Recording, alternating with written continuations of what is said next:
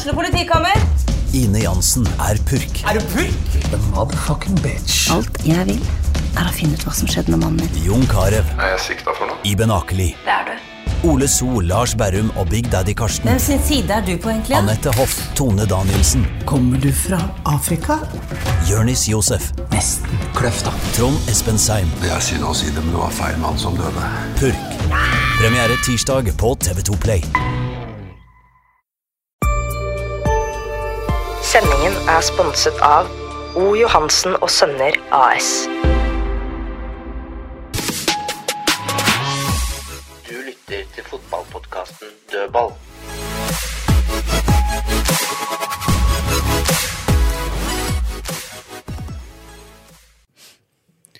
Da er vi i eh, studio med et nytt dødballpanel. Vi er ikke alle på plass som pleier å være her. Karina Oppsand, du er her. Det er jeg. Ja. Hyggelig å være tilbake. Ja. Lenge siden sist.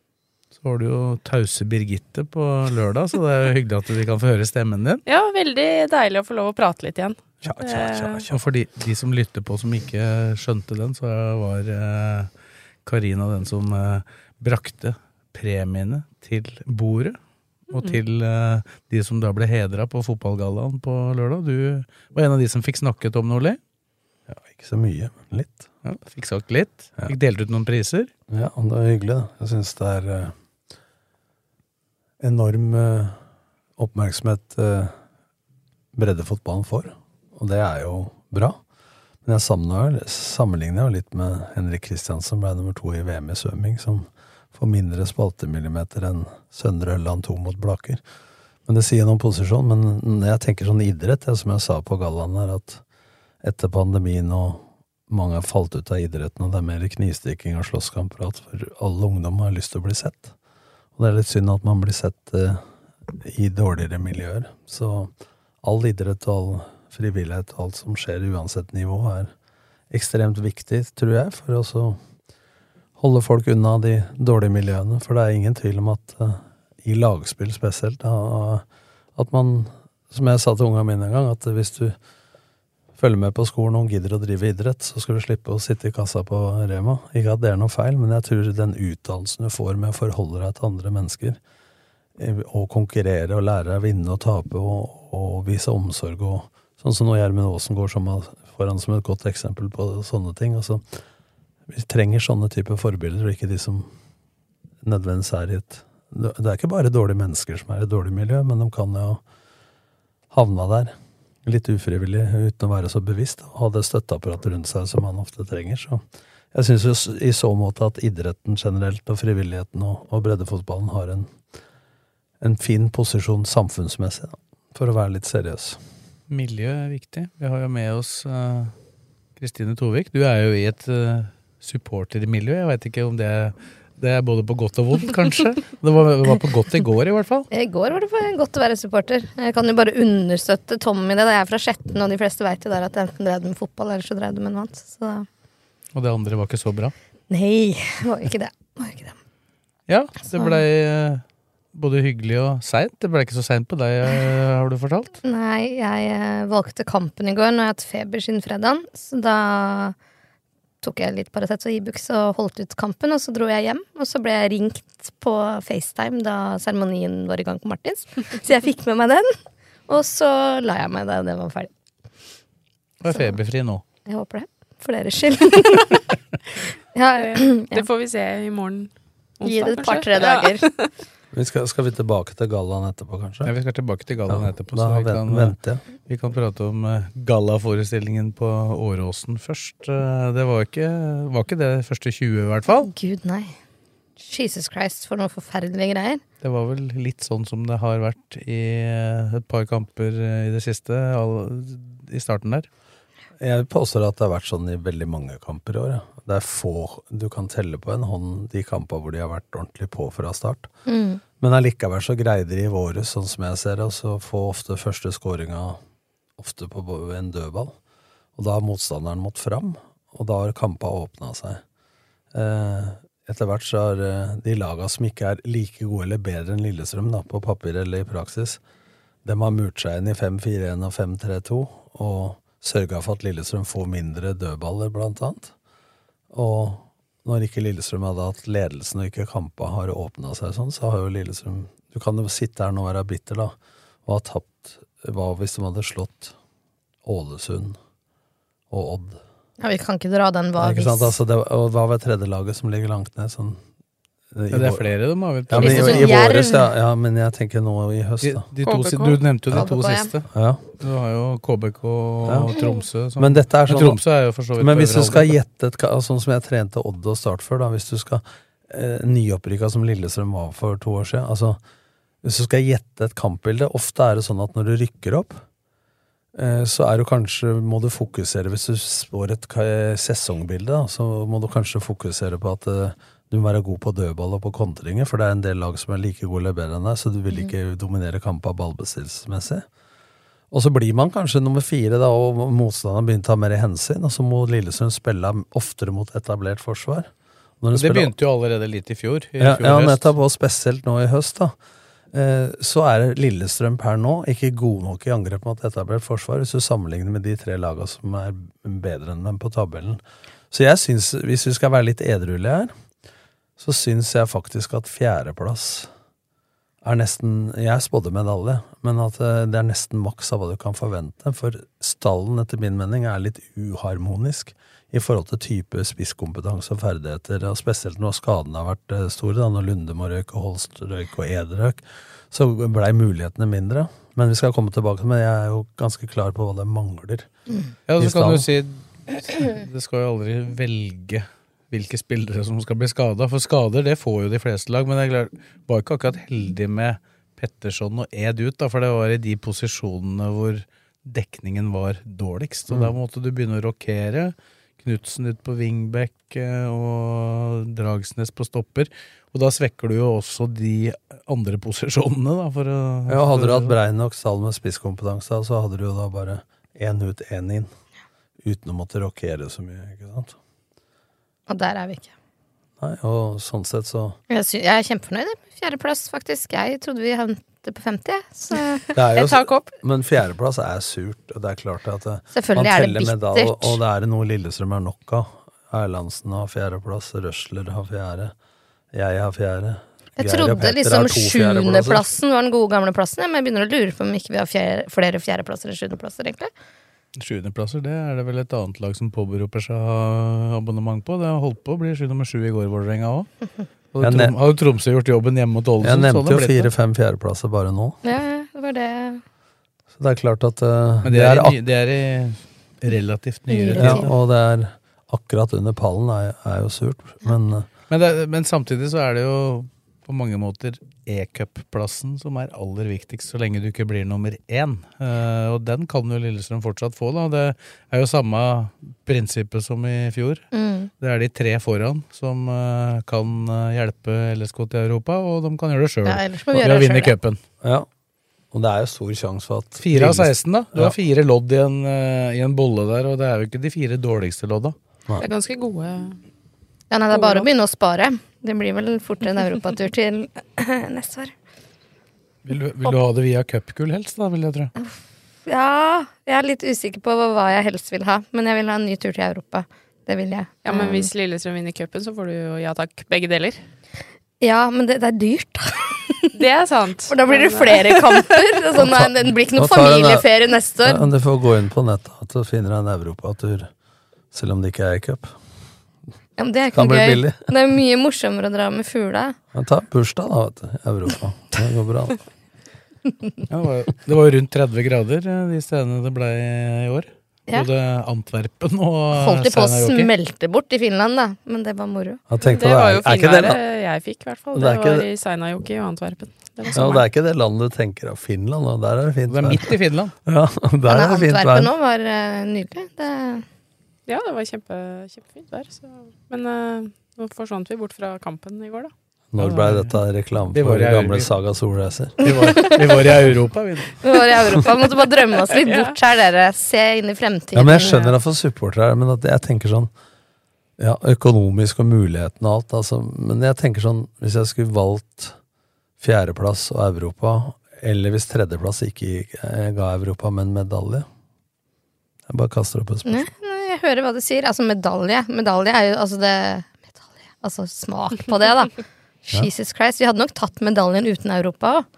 Ja. Det. Det, det er ikke enten-eller her. Her er det en brum, brum. Ja takk, begge deler. Ja, nå vil jo Kan vi fort femteplassen også etter hvert gi eh, Europa her. Hvis ja. de norske laga plukker nok med poeng. Ja. Så, men kampen, da? Etter de Etter uh, Ja, men jeg prata mye etter de 20 minutta. Nei, altså etter det så syns jeg at de har ganske god kontroll. Og det virker som at lufta går litt ut av HamKam. Den begynte bra, aggressivt, høyt press, god ballbesettelse, kommer til noen avslutninger, en fin goal. Og så Jeg sa jo det på tribunen der, at uh, det er rart, sa jeg til Ryddi og deg, at eh, en kampbilde kan skifte så karakter. For det var et par angrep for Lillestrøm for en gangs skyld i høst spilte med nesa mot mål, at det gikk fort forover i kontringsfasen, og bevegelse foran ballfører. Og det var akkurat som noe snudde da. Plutselig så dominerte LSK med ball og greide å lage litt eh, trykk eh, på HamKam. Og så så jeg etter hvert, da, det gjaldt jo begge laga, men når det var til 2-1-3-1 der, så virka det som HamKam hadde gitt litt opp. For at jeg, så jo det på byttene, hvem de bytta, hvem de satte inn og ga noe Ja, men de hadde vel ikke noe mulighet til å gå, rykke verken opp eller ned. på Noen plassering går, alt var jo avgjort. Det er ikke litt sånn det er på slutten av sesongen når laga ikke har noe å spille for. Det er kamp fram til kampen på en måte er avgjort. Ja. Og da tok vi en ting i studio Åråsen, Daniel Skåre, er det han heter?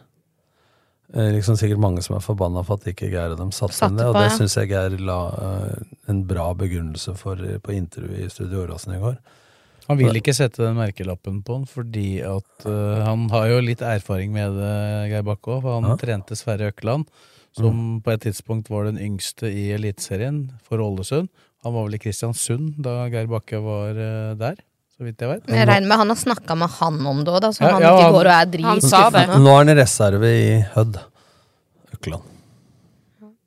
Men eh, når det er sagt, altså Husk Martin Ødegaard, så var det jævlig mye mas at vi måtte få han på landslaget. Mm. Som Ronny Deila sa, og jeg sa også, ingen tvil om at Martin Ødegaard ville bli god. Det var snakk om tidspunktet. Og det blei så trøkk på Høgmo og mas at det blei en sånn omdømmejippo, at det få han inn yngste spilleren på landslaget også, litt sånn uten samling sammenheng for øvrig. Og- Og nå var jo Martin hadde jo tross alt spilt en del kamper i Eliteserien og vært god, blant annet mot meg og Sandnes Ulf, så dominerte han i 2014 når jeg tok over dem. Vi tapte 3-1 i første kampen min. Han hadde jo ikke spilt før han debuterte, for så vidt. da. Men øh, Nei, nei, men altså det, det var jo samtidig Men han andre her har nesten ikke vært på LSK sine A-lagstreninger engang. ja, Det har jo med logistikk å gjøre, for de, Ja. de skulle ønske at de skulle Ja, det er mer når Han går på på, går på ungdomsskolen Ja. på det skjønner Bjørklagen, jeg. ikke sant? Men hvis, la oss si at han nå debuterer, da. To-tre innhopp nå i høst. Hvordan vil forventningen til han og støtteapparatet, familien hans, være rundt? Hvis han da, og supportere, hvis han da ikke får spille noe særlig neste år? Ja, man debler i fjor, satser ikke på de unge, så blir det jævla gnålet der. Og hvis han ikke har noen positiv opplevelse første gangen han er på, så blir det bare negativt. Ja, nei, jeg Altså- respekterer altså, det. fullt Det er som jeg sa, det er ikke Det er flere grener ikke er om å gjøre å debutere først. Ja, for det er jo omdømmemessig så hadde jo det der vært et sånn derre Hadde jo fått øh, oppmerksomhet. Jeg, vet, jeg er litt usikker faktisk hvor mye oppmerksomhet det hadde fått øh, i, akkurat i går, da. For i, Ja. i går var det en serieavslutning, og ikke- Fokuset var Helland. Ja, men det var jo ikke det engang. Jeg så på, så på den sendinga til Discovery, da, som øh, Altså, skal vi si heldigvis, heldigvis er ferdig. De, Dem, dem hadde Helland og Lillestrøm i en reklamepause på TV. Ja. Så du måtte ha Discovery pluss Ja. for å få sett det. Mm. Så det, Det, det er merkelig prioritering. av er, en- er ikke en det en, en er- litt rar vurdering? En som har vunnet så mye som det han har gjort, så er det en veldig rar vurdering. Men nå har jo dem gjort jævlig mye rart da i høst, etter, eller etter det ble bestemt at de ikke skulle ha det mer. Så har det vært mye kok. Men LSK har jo ikke akkurat vært førstepremie. Nei, jeg skulle til å si det. Hadde han fortsatt vært i Rosenborg Da og lagt opp, da hadde det vært hovedsaken. Jeg, jeg, jeg, I hørte fotballrunden. men det, Da var jeg på Rosten, så det så jeg ikke. Men jeg hørte at de hadde gått i reklamepause i overtida på Start Kongsvinger-kampen òg. Da hadde Vegard Hansen uh, brutt ut uh, der og sagt et eller annet. Ja, har det var vel da en brøyte brøyt inn og sa nå må ikke bli helt Jarle Børrestad her. Eller hva han heter. Ikke Jarle. Han eh, i TV 2. Ja, ja. Så, ja. Ja, Børrestad. Ja, vi Ja, vet, jeg han vet heter hvem du ikke Jarle, mener. kanskje. Nei, han heter ikke det. Men han eh, Jon. roper fælt. Hartvig Børrestad. Ja, Jon Hartvig. Jon Hartvig Børrestad. Vi kom fram til det til slutt. Ja. Men sånn tilbake til Skårud, da, så syns jeg jo at eh, Geir Bakke forklarte det veldig fint med at det er ikke alle som er Martin 15, og at han forklarte de tingene der, fordi at, eh, som vi sa også, med den merkelappen og hvem skal på en måte ta den, og jeg syns det er litt kult at Bakke står for det han mener, da. Han lar seg ikke på en måte påvirke til at alle vil at nei, han skal starte, og at det har gått sport i det da i noen klubber. Ja, for Bakke hadde jo blitt hylla for å gjøre det. Og I går var det innbilla meg, da, på 3-1 der. Null å tape. Hvorfor i all verden han, Det var jo ett bytte som ikke ble brukt òg, så det var jo fullt Mm. mulig å sette den inn, liksom. Men jeg syns det er bra at han står ved det han faktisk mener, da, og forklarer det på den måten Men, han um, gjør, og tør å stå i det, selv om mange har mast på Ja, at men Daniel da Skåre må skal- jeg ikke arrestere deg, men hvis du trener et eliteserielag i fotball, en lederjobb, og er vant til det trøkket, så sier du det er bra at han tør å stå i det. Det skulle da bare mangle. Ja, at ikke ja. han skal stå for Men hva han mange- mener. Ja, men altså, Unnskyld meg, hvis jeg skulle som trener forandra mening for at uh, disse over bordet her, Kristine, sånn maser på et eller annet at de må gjøre det, da er du ute og padler. Altså. Ja, men det er mange trenere Nei, som er ute og padler. Nei, det er ikke mange trenere i eliteserien. Ja, jeg, men- jeg, jeg kan gi deg to, da. Du, Ja, har, du, har, du har jo sagt Du har jo egentlig sagt ett allerede. Per-Mathias Høgmo. Ja. Han lot seg jo presse. Ja, men han Og var det er en- landslagstrener. Ja, og det er en landslagstrener til som gjorde det. Ja. Det husker jeg veldig godt. Ja. I 2000. Da var det et ekstremt jag og masse medieomtale. Jeg var sjøl der eh, som akkreditert i 2000 eh, under VM, EM der. At eh, alle de spissa som Norge hadde, måtte spille. Steffen Iversen, Ja. Jon Carew, Ole Gunnar Solskjær og Tore André Flo. Alle skulle Ja. spille. Og The Fabulous Four og greier. Og de kom på banen mot Slovenia. Vi har ikke skapt færre målsjanser på landslaget noen gang. Men nå sa hun mange, og jeg er ikke så god i matte, men uh, av alle trenere jeg kjenner, når blei to mange? Men det var- det var Det var to to ganske eksempler. ja, eksempler. ja, det er enig, men brorparten av trenerne, Morten, står jo for det de mener. Altså, De lar seg ikke påvirke av naboer og supportere. Eh, Altså, Da kan du ikke ha den jobben. Nei, jeg, jeg skjønner hva du mener, Ja. men, men det, det kan av og til bli et trøkk som gjør at du Og her hadde det vært veldig. Det hadde vært Ja, det kan være. Ja, men at, at Geir Bakke er gjennomtenkt på det, det syns jeg er, er veldig bra. Det er, vel egentlig det du mener. Ja, ja, men det er veldig bra, men for meg så må det være minste felles multiplum. Sånn må det være. Så må det være unntaka som ikke gjør det. For hvis det blir regelen, da har vi ikke noe der å gjøre. Mm. Det er min klare, sterke mening. For da kan du ikke ha en lederjobb hvis du skal ta beslutninger i et team på 15-16 mann rundt A-laget til LSK. Der er trøkket nok internt. Og Høgmo, du snakka om Høgmo, som har tatt gull nå, er en dyktig mann. Men han lot jo seg påvirke, han sagt sjøl, når han brukte Markus Henriksen som spiss. Så er det et eksempel òg. I Tsjekkia der, når jeg var med NRK, eh, så var det så mye mas at det var 100 meninger rundt. Men det er altså en lederegenskap da, til å ta til seg innspill rundt, vurdere opp mot fordeler og ulemper, og så er det du som tar avgjørelsen. Så det er ikke feil å høre på folk. Jeg sier ikke at du ikke skal men høre det, på skal jeg slutte å være supporter da, hvis jeg ikke har noen Nei, påvirkningskraft? men la meg fullføre. Jeg sa at selvsagt så skal vi høre på hva du sier, men det må jo være lederens rett til å vurdere om det er fornuftig for laget. For hvis du skal ta beslutninger basert på emosjoner og følelser som andre har, som ikke ser dette hver dag, da kan du ikke ha den jobben. Det er det jeg mener. Så ja, bra bak at du står for det, men for meg skulle bare mangle.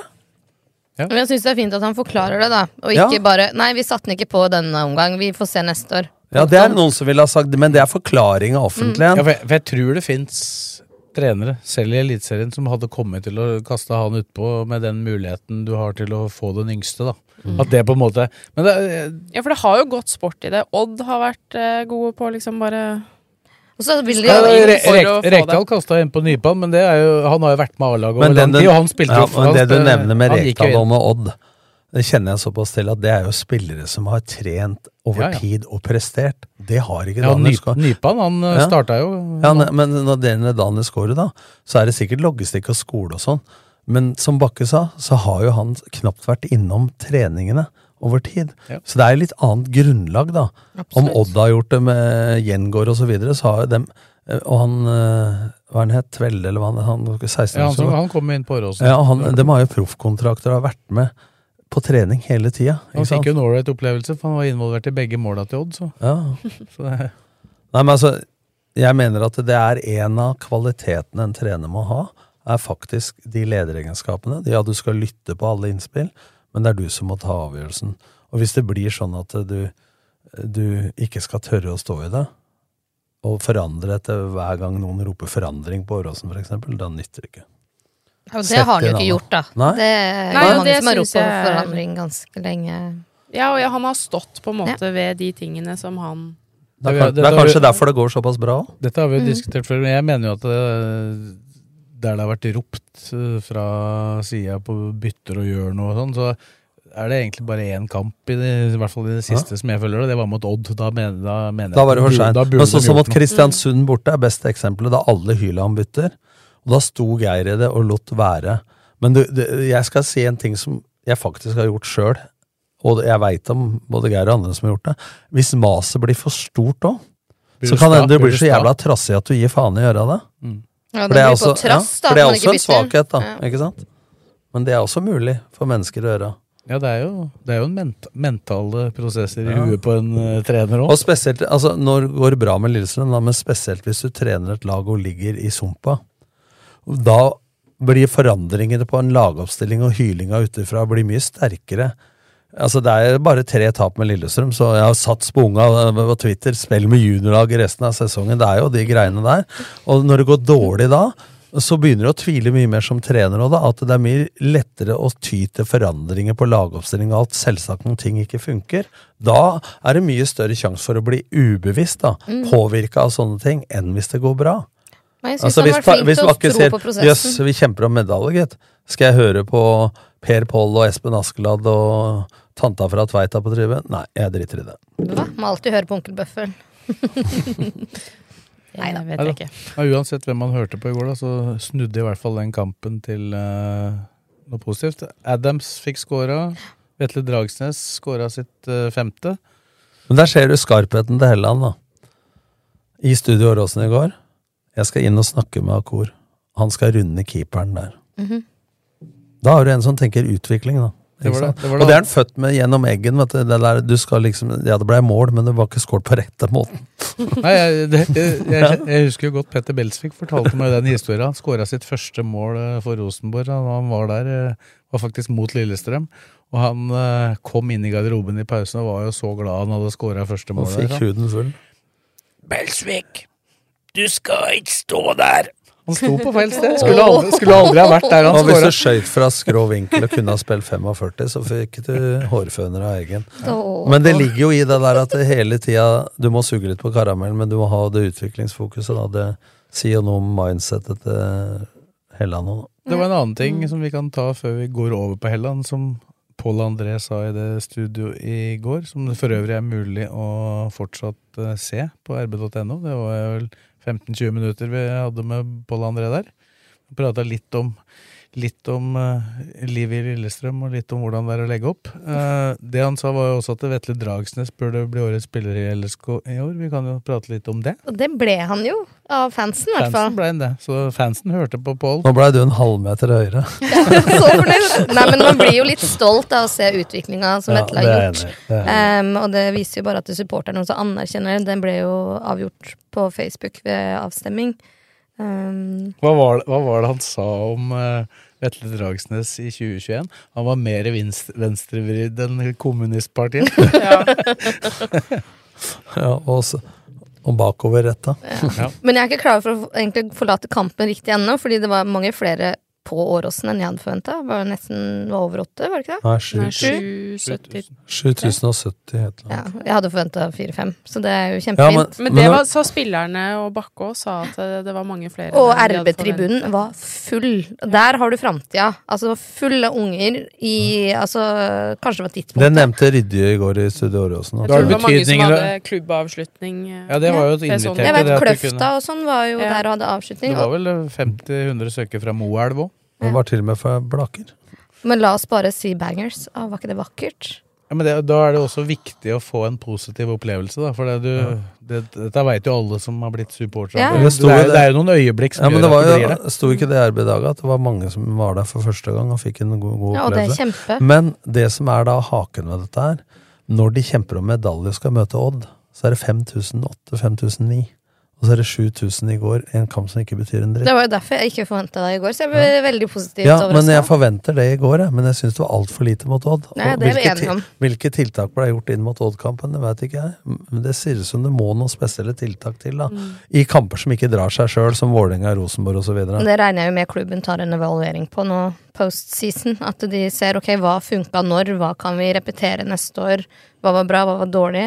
Ja, det var jo det Kjetil Rydje sa i går, at, og det, jeg vet jeg har skrevet det i en kommentar, at det må gjøres noen tiltak for å fylle altså Kamper du veit ikke fyller seg sjøl, hvor det ikke er, pågang, så må du ha noen tiltak som gjør at hvert fall, jeg mener jeg skrev den gang at i snitt bør alle som spiller fotball, aldersbestemte spillere på Romerike, få muligheten til å komme på Åråsen i hvert fall én gang i Mm. året. Men eh, det var veldig fint å se, fordi jeg, vi snakka om det inn mot kampen, at vi har jo ikke sett noe spesielt, eh, verken på lsk.no. Altså, vi mannen i gata, da, hvis jeg kan definere meg sjøl som det, har ikke sett noe spesielt. Så vi var litt sånn ok, her ja, kommer ikke mange. Det eneste de har lagt ut, er vel den derre 'nå mangler vi Ja. X antall billetter'. Og det var jo ikke mange. nådd- Nei, at vi Men det skal har tydeligvis vært et tiltak, da. Ja, og det er jo kjempebra. Det Vi trenger ikke vite om alt heller. at det har vært avslutninger eh, Mm. på det. Ja, det gikk gikk ut ganske tidlig. Men det er én ting til. Altså Hvis du tar uh, nye City-tribunen, for å kalle det det, da.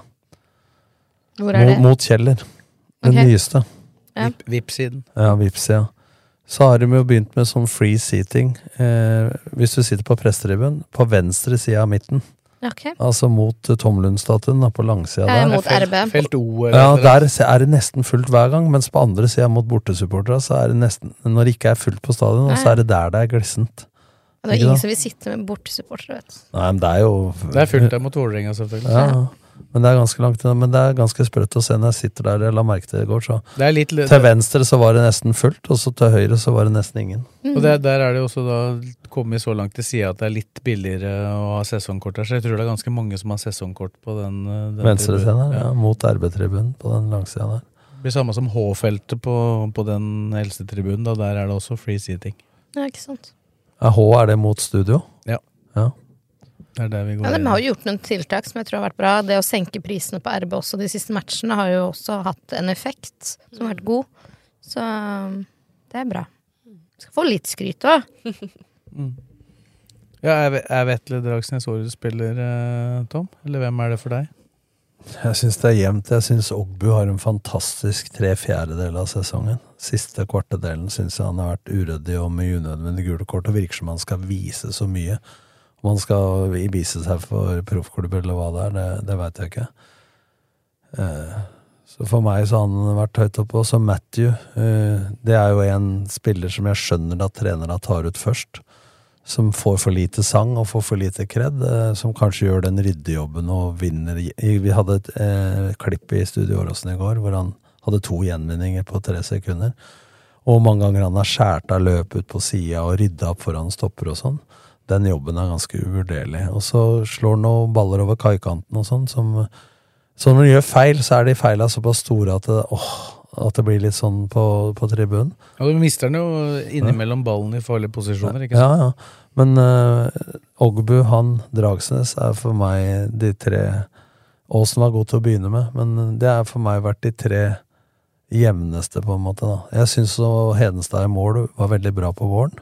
Nå skal vi sikkert snakke om det, og fått landslagsplass, men han får vel kanskje det på et tidspunkt hvor han egentlig har vært dårligere enn han var til å begynne med. Men det har jo litt med, med hvem som er lagt opp videre på landslaget å gjøre. Men eh, så det, det er, jeg veit ikke åssen det er på RB-børsen, jeg vil tippe at det er jevnt mellom de tre.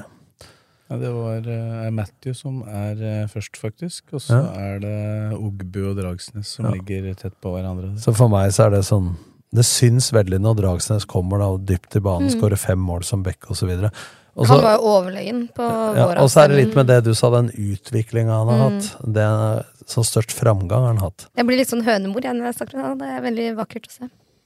Så for meg så er det break-even mellom, uh, mellom de. Nå har du vært med på børsen, så du kan må nesten gå inn for den. Hva tenker du, Karine? Ja, det var det jeg satt og tenkte på, at eh, navnet mitt har jo stått på børsene, så jeg må jo kanskje være enig i det. Men jeg er også litt, hva skal jeg si, svak for. Det høres litt feil ut, men Nå får jeg høre det og stygge blikk her. Nå er vi, nå er vi spent. det er en som sitter på benken, tenker jeg. Nei, jeg skulle si som Kristine Vetle Dragsnes. Jeg syns eh, den sesongen han har hatt, jeg syns han har vært stabil gjennom hele sesongen. Eh, De to andre har på en måte svingt litt mer, men de har gjort viktige ting, sånn som Men, du sier. men grunnen til at jeg Jeg tror nok det gir seg utslag også på børsen vår, faktisk. Ja. jeg tror ikke Dragsnes har ikke hatt noe under fire, og så ja. har han ikke vært så ofte over seks. Nei, at han er veldig jevn og stabil, mens de andre kan fort være oppe på syv, da. Og så hadde Ogbu tre Ogbu her for litt siden. og Ogbu avslutta med to treere. Ja, men, han datt ned. Men han har skåret eh, fem mål, det er greit. Men for meg da så er Syns feila du gjør sentralt i banen, og bakerst, da, som Ogbu eksempel, mer. Så, så hvis jeg skal tenke sånn litt som en trener, betydningen for laget, så mener jeg at Ogbu og Matthew er foran. Men hvis du tar med utviklinga og forhold til i fjor og fem mål og så videre, og litt det sånn emosjonelle, så er jeg med på Dragesnes. Men jeg mener at de to andre har hatt større betydning for laget. da. For i våres, altså når det blei første karantena til Ogbu, så så du det tydelig at ikke han spilte. Det måtte legge seg lavere i banen, og det ikke, ikke løpte opp folk og covra for de to sidestopperne. Og Matthew ikke spilte en kamp eller to, så var plutselig midtbanen en, ja. og da var, ja, da var han Mm, helt, helt uten brodd på midten. Så for meg så er dem av den grunn hakket foran. Men reint som hvis jeg tar på meg bare sånn jeg vil underholdes-hatten eh, og utvikling, så er jeg på Dragsnes. Skal vi begynne å snakke viktighet, så må man jo ta med Gjermund Aasen og Helleland i bøteballetten òg. Fordi garderobekultur Mm. og hva de betyr for de andre. Men nå Så- tenkte jeg bare viktigheten på banen. Ja, og jeg, jeg jeg poeng. kjøper det du sier med de at eh, feilene på en måte At det, man har merka det veldig, da, når de Ja. ikke har vært der. Men Ja. nå Dragsnes har vel spilt Han har alt. Alt. Hvert, hvert minutt. hvert eneste minutt, og jeg tror at da hadde ikke han vært der, så tror jeg du hadde merka det på samme måte.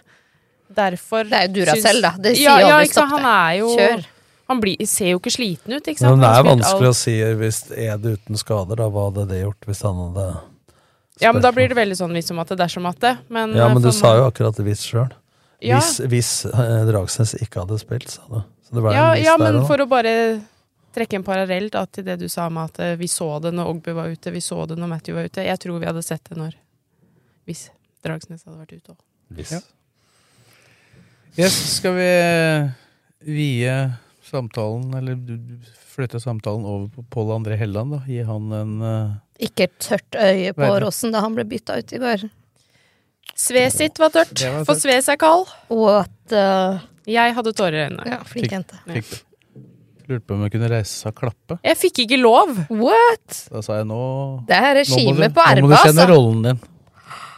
Men jeg kunne jo Det handler jo ikke om at jeg hadde vært supporter fordi jeg hadde reist meg. Det handler jo Jo. om å Jo, Nei! Jo. Nei. Jo. Det handler om Dere sa jo at. HamKam-supporterne burde ha klappa òg! Jeg så at Ja, men det- jeg Du så sa nettopp det, HamKam-supporterne, men du var der på jobb for Romerikes Blad Ja, som men, en eh, journalist. Da er det den hatten Journalister har da hylla Pål André Helland i sosiale medier og på TV og på radio og i podkaster. Da kunne vel jeg reist meg? Jeg gjorde det ikke. Men jeg angrer. Jeg skulle gjort det. Jeg sto Nå for er det fyr i lampa her, men for deg. eh, her tar du feil. Så det sies at jeg står hele kampen bak jeg fikk, mål uansett. jeg fikk bare men, beskjed om at jeg var kald. Men Du er kald. You're as cold as ice. Med intervjuet med Bakke òg, så tok jeg over, og blei det et varmt intervju isteden. Så, sånn er det. Ja, ja. Bruk de egenskapene på hjemmebane, og så Skal vi ha det litt sånn kjølig og sånn på jobb? For guds skyld, ikke kos deg på jobb, Karina. Nei, det er ikke lov, det. Sånn er det. Nei, men uh... Det er stort der bak og ståre, og jeg skulle ha men- grått i med Helland, og jeg skulle ha reist meg og klappa. Det er klart, det. det. Skjønner det, jenter. Dere er uh, følsomme, det er bra. Men uh... Tror de setter pris på det. Det var Ja, det, det som altså, er det noen ikke som er varme mennesker, så er det jo Ja, Helland og Men det var jo ikke diskusjon om dem setter pris på det. Diskusjonen var jo om det var riktig å gjøre det. Ikke dra, dis ikke dra diskusjonen ut Ja, men annet. det er da ikke noe regelbok som forteller hva jeg skal gjøre og ikke gjøre. Spør, spør arbeidsgiveren din. Gå til Lars Lier og spør, så kan du Altså, få jeg tenker ikke drekk på jobb, den er, den er utafor. Reis deg for Helleland når han går av en siste gang. Ja, ja. Ja, Ja, hvis ja, jeg hadde stått hvis, det er, kon- hvis det er kontrastene, så er det klart, da er valget ganske enkelt. Ja. Hvis du er supporter, ja. Og du holder, kan holde med Lillestrøm. Akkurat som Arne Skeie holder med et lag. Han holdt med Lillestrøm i alle år, han. Ja, men han, han står ikke og klappa når Tomlin skårte når han var i boksen til NRK.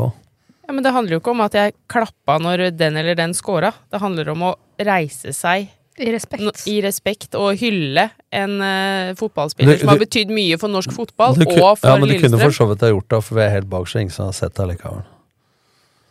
Sånn er det. Men skal vi, skal vi si noe om eh, Pål Andrés eh, avskjed, da? Christiane? Ja, altså Mange vil jo påstå at eh, han har vært en fiasko, sånn rent spillemessig og sånn, men eh, etter å ha hørt hvordan Gjermund snakker om han, og som vi andre også har fått med oss, da, er jo han en enorm mann i garderoben. Han har tatt så godt vare på de andre spillerne, de rundt seg. Altså Både han og Gjermund Aasen. Tør nesten ikke tenke hvordan vi hadde gjort det uten de. For noen fantastiske mannfolk, dere. Men at Gjermund Aasen sier det, det føler jeg ikke veier like tungt som At Henrik Skogvold gjør det, for Ja, eksempel. og, Nei. Thomas, og Thomas Lene Olsen sier det, for de to er jo kamerater. Ja, men Du så den- ser jo tåra i øya på enhver spiller når de ser på Helland og tenker på hvordan han skal gå. Og da Men blir den sånn, hyllesten som Thomas Lene også i Studio Åråsen kom med av Pål André, det var, det var jo også Jeg tviler ikke på at Gjermund også mener det hele sitt hjerte, men, Nei, det, blir, nei, nei. men det blir et tank. Men de er kamerater, da. Det blir på en tanken litt måte. mer subjektiv, da. Han ville jo aldri sagt noe vondt om det. Men uh, de har jo gjennom sin atferd, som du ikke sier, Kristine. Og jeg tror han har hatt, eh, har jo så diskutert litt med trenere. Han har vært med på å skape trygghet, eh, og han har tatt seg av han har nok så- tatt de kampene for de andre i de situasjonene hvor det har vært behov for det. Da. Ja, Der var ikke andre tør å, å, Mm. å prate, for eksempel. Og, det, Ja, så kan du si at- og så har han jo erfart da han har kommet inn med Han veit hvor lista ligger, selv om han ikke har prestert sjøl som man ønska. Så det er vel det som er vondest å se, da. En mann som gjerne vil spille fotball, men kroppen har sagt stopp. Men alle det er prater, hjerteskjærende. men alle prater om garderoben. Jeg tror han har hatt vel så stor påvirkning på treningsfeltet. Ja, det var det jeg skulle Ja. si. Jeg har sett Jeg ser jo flere treninger enn ganske Mm. mange andre, og det, den personen han er på treningsfeltet, hvordan han prater med spillere Jeg husker jo for eksempel da Eskil Ed spilte sin første kamp Mm. mot Rosenborg husker, ja. sammen med Pål André på sida.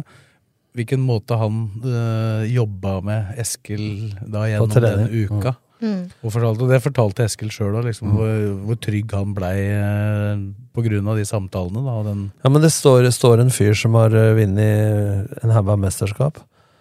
Som eh, Han vet hva som må til, ja, forteller en ung gutt. Altså det er snakk om å flytte de skuldra tre centimeter ned, skape trygghet, at han, dette er ikke så farlig, at han skal glede seg osv. Så, videre. så på treningsfeltet så mener jeg er punkt én. Garderoben punkt to. Ja. Dessverre banen punkt tre, men det bekrefta han jo sjøl òg.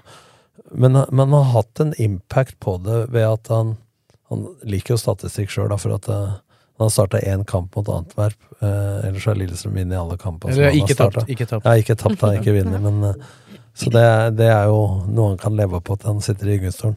Det skal han få lov til å gjøre. Men Så det er ikke så lett for folk utafor Lillestrøm som ikke følger med så mye. For når jeg diskuterte det med disse folka i poden, Synseligaen for eksempel, altså, ja, men han er jo skada, det er ikke noe vits i, og kan ikke ha så mye å si og sånn. Så jeg tror du må være litt innafor veggene for oss å skjønne og så- og så var det jo akkurat det LSK trengte eh, på det tidspunktet de to uh, trønderne kom. Ja. Det var, de trengte jo erfaring inn i garderoben. Men det var ikke bare garderoben.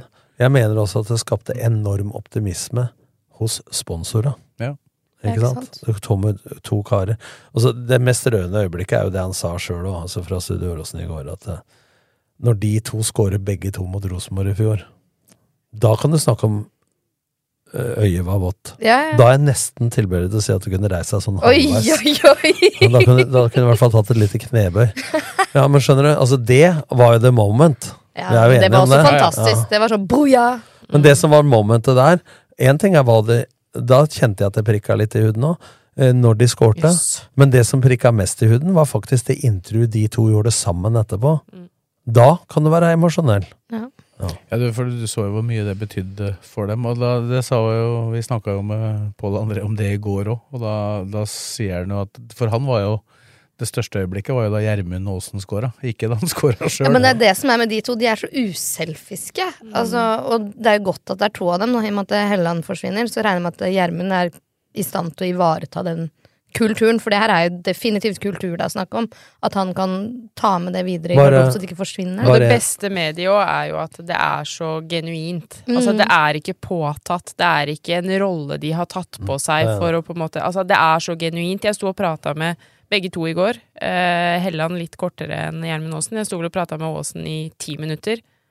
Han kjempa mot tårene og gråt i ni av dem. Ja. Eh, sånn at, og det er alt han sier, alt han på en måte Altså, det er så genuint, da. Men, men når, du nevner ordet kultur, da, eh, så er jeg enig i at dem har vært med på å innføre en kultur. Mm. Så er det om å gjøre at den kulturen spiller. For kultur er jo egentlig, hvis du skal se Ja, det er ferskvare. Ja, men det er definisjonen på kultur. Er summen av alle menneskene som er der, sine mm. handlinger hver dag. Ja. Så det er klart at To stykker kan ikke lage en kultur aleine, men de kan sette i gang en prosess sammen med trener og alt som lager en bærekraftig kultur.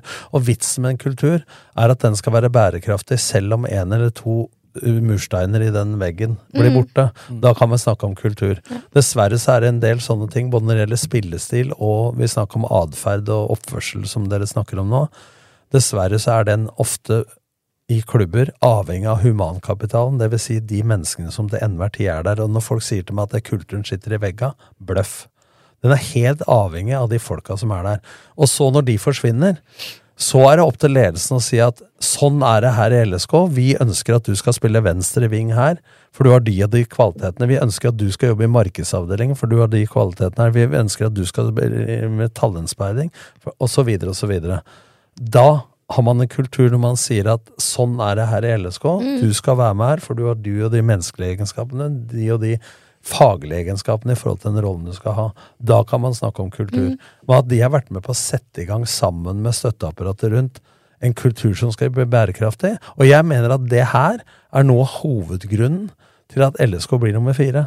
For jeg har tatt eksempler i flere podder. Det har noe med kultur å gjøre. Det har noe med arbeidsinnsats og kultur å gjøre. Treningskultur. At hun kommer på Åråsen, er der fra morgen til kveld, har lyst til å være der. Og Det har noe med fasiliteten å gjøre.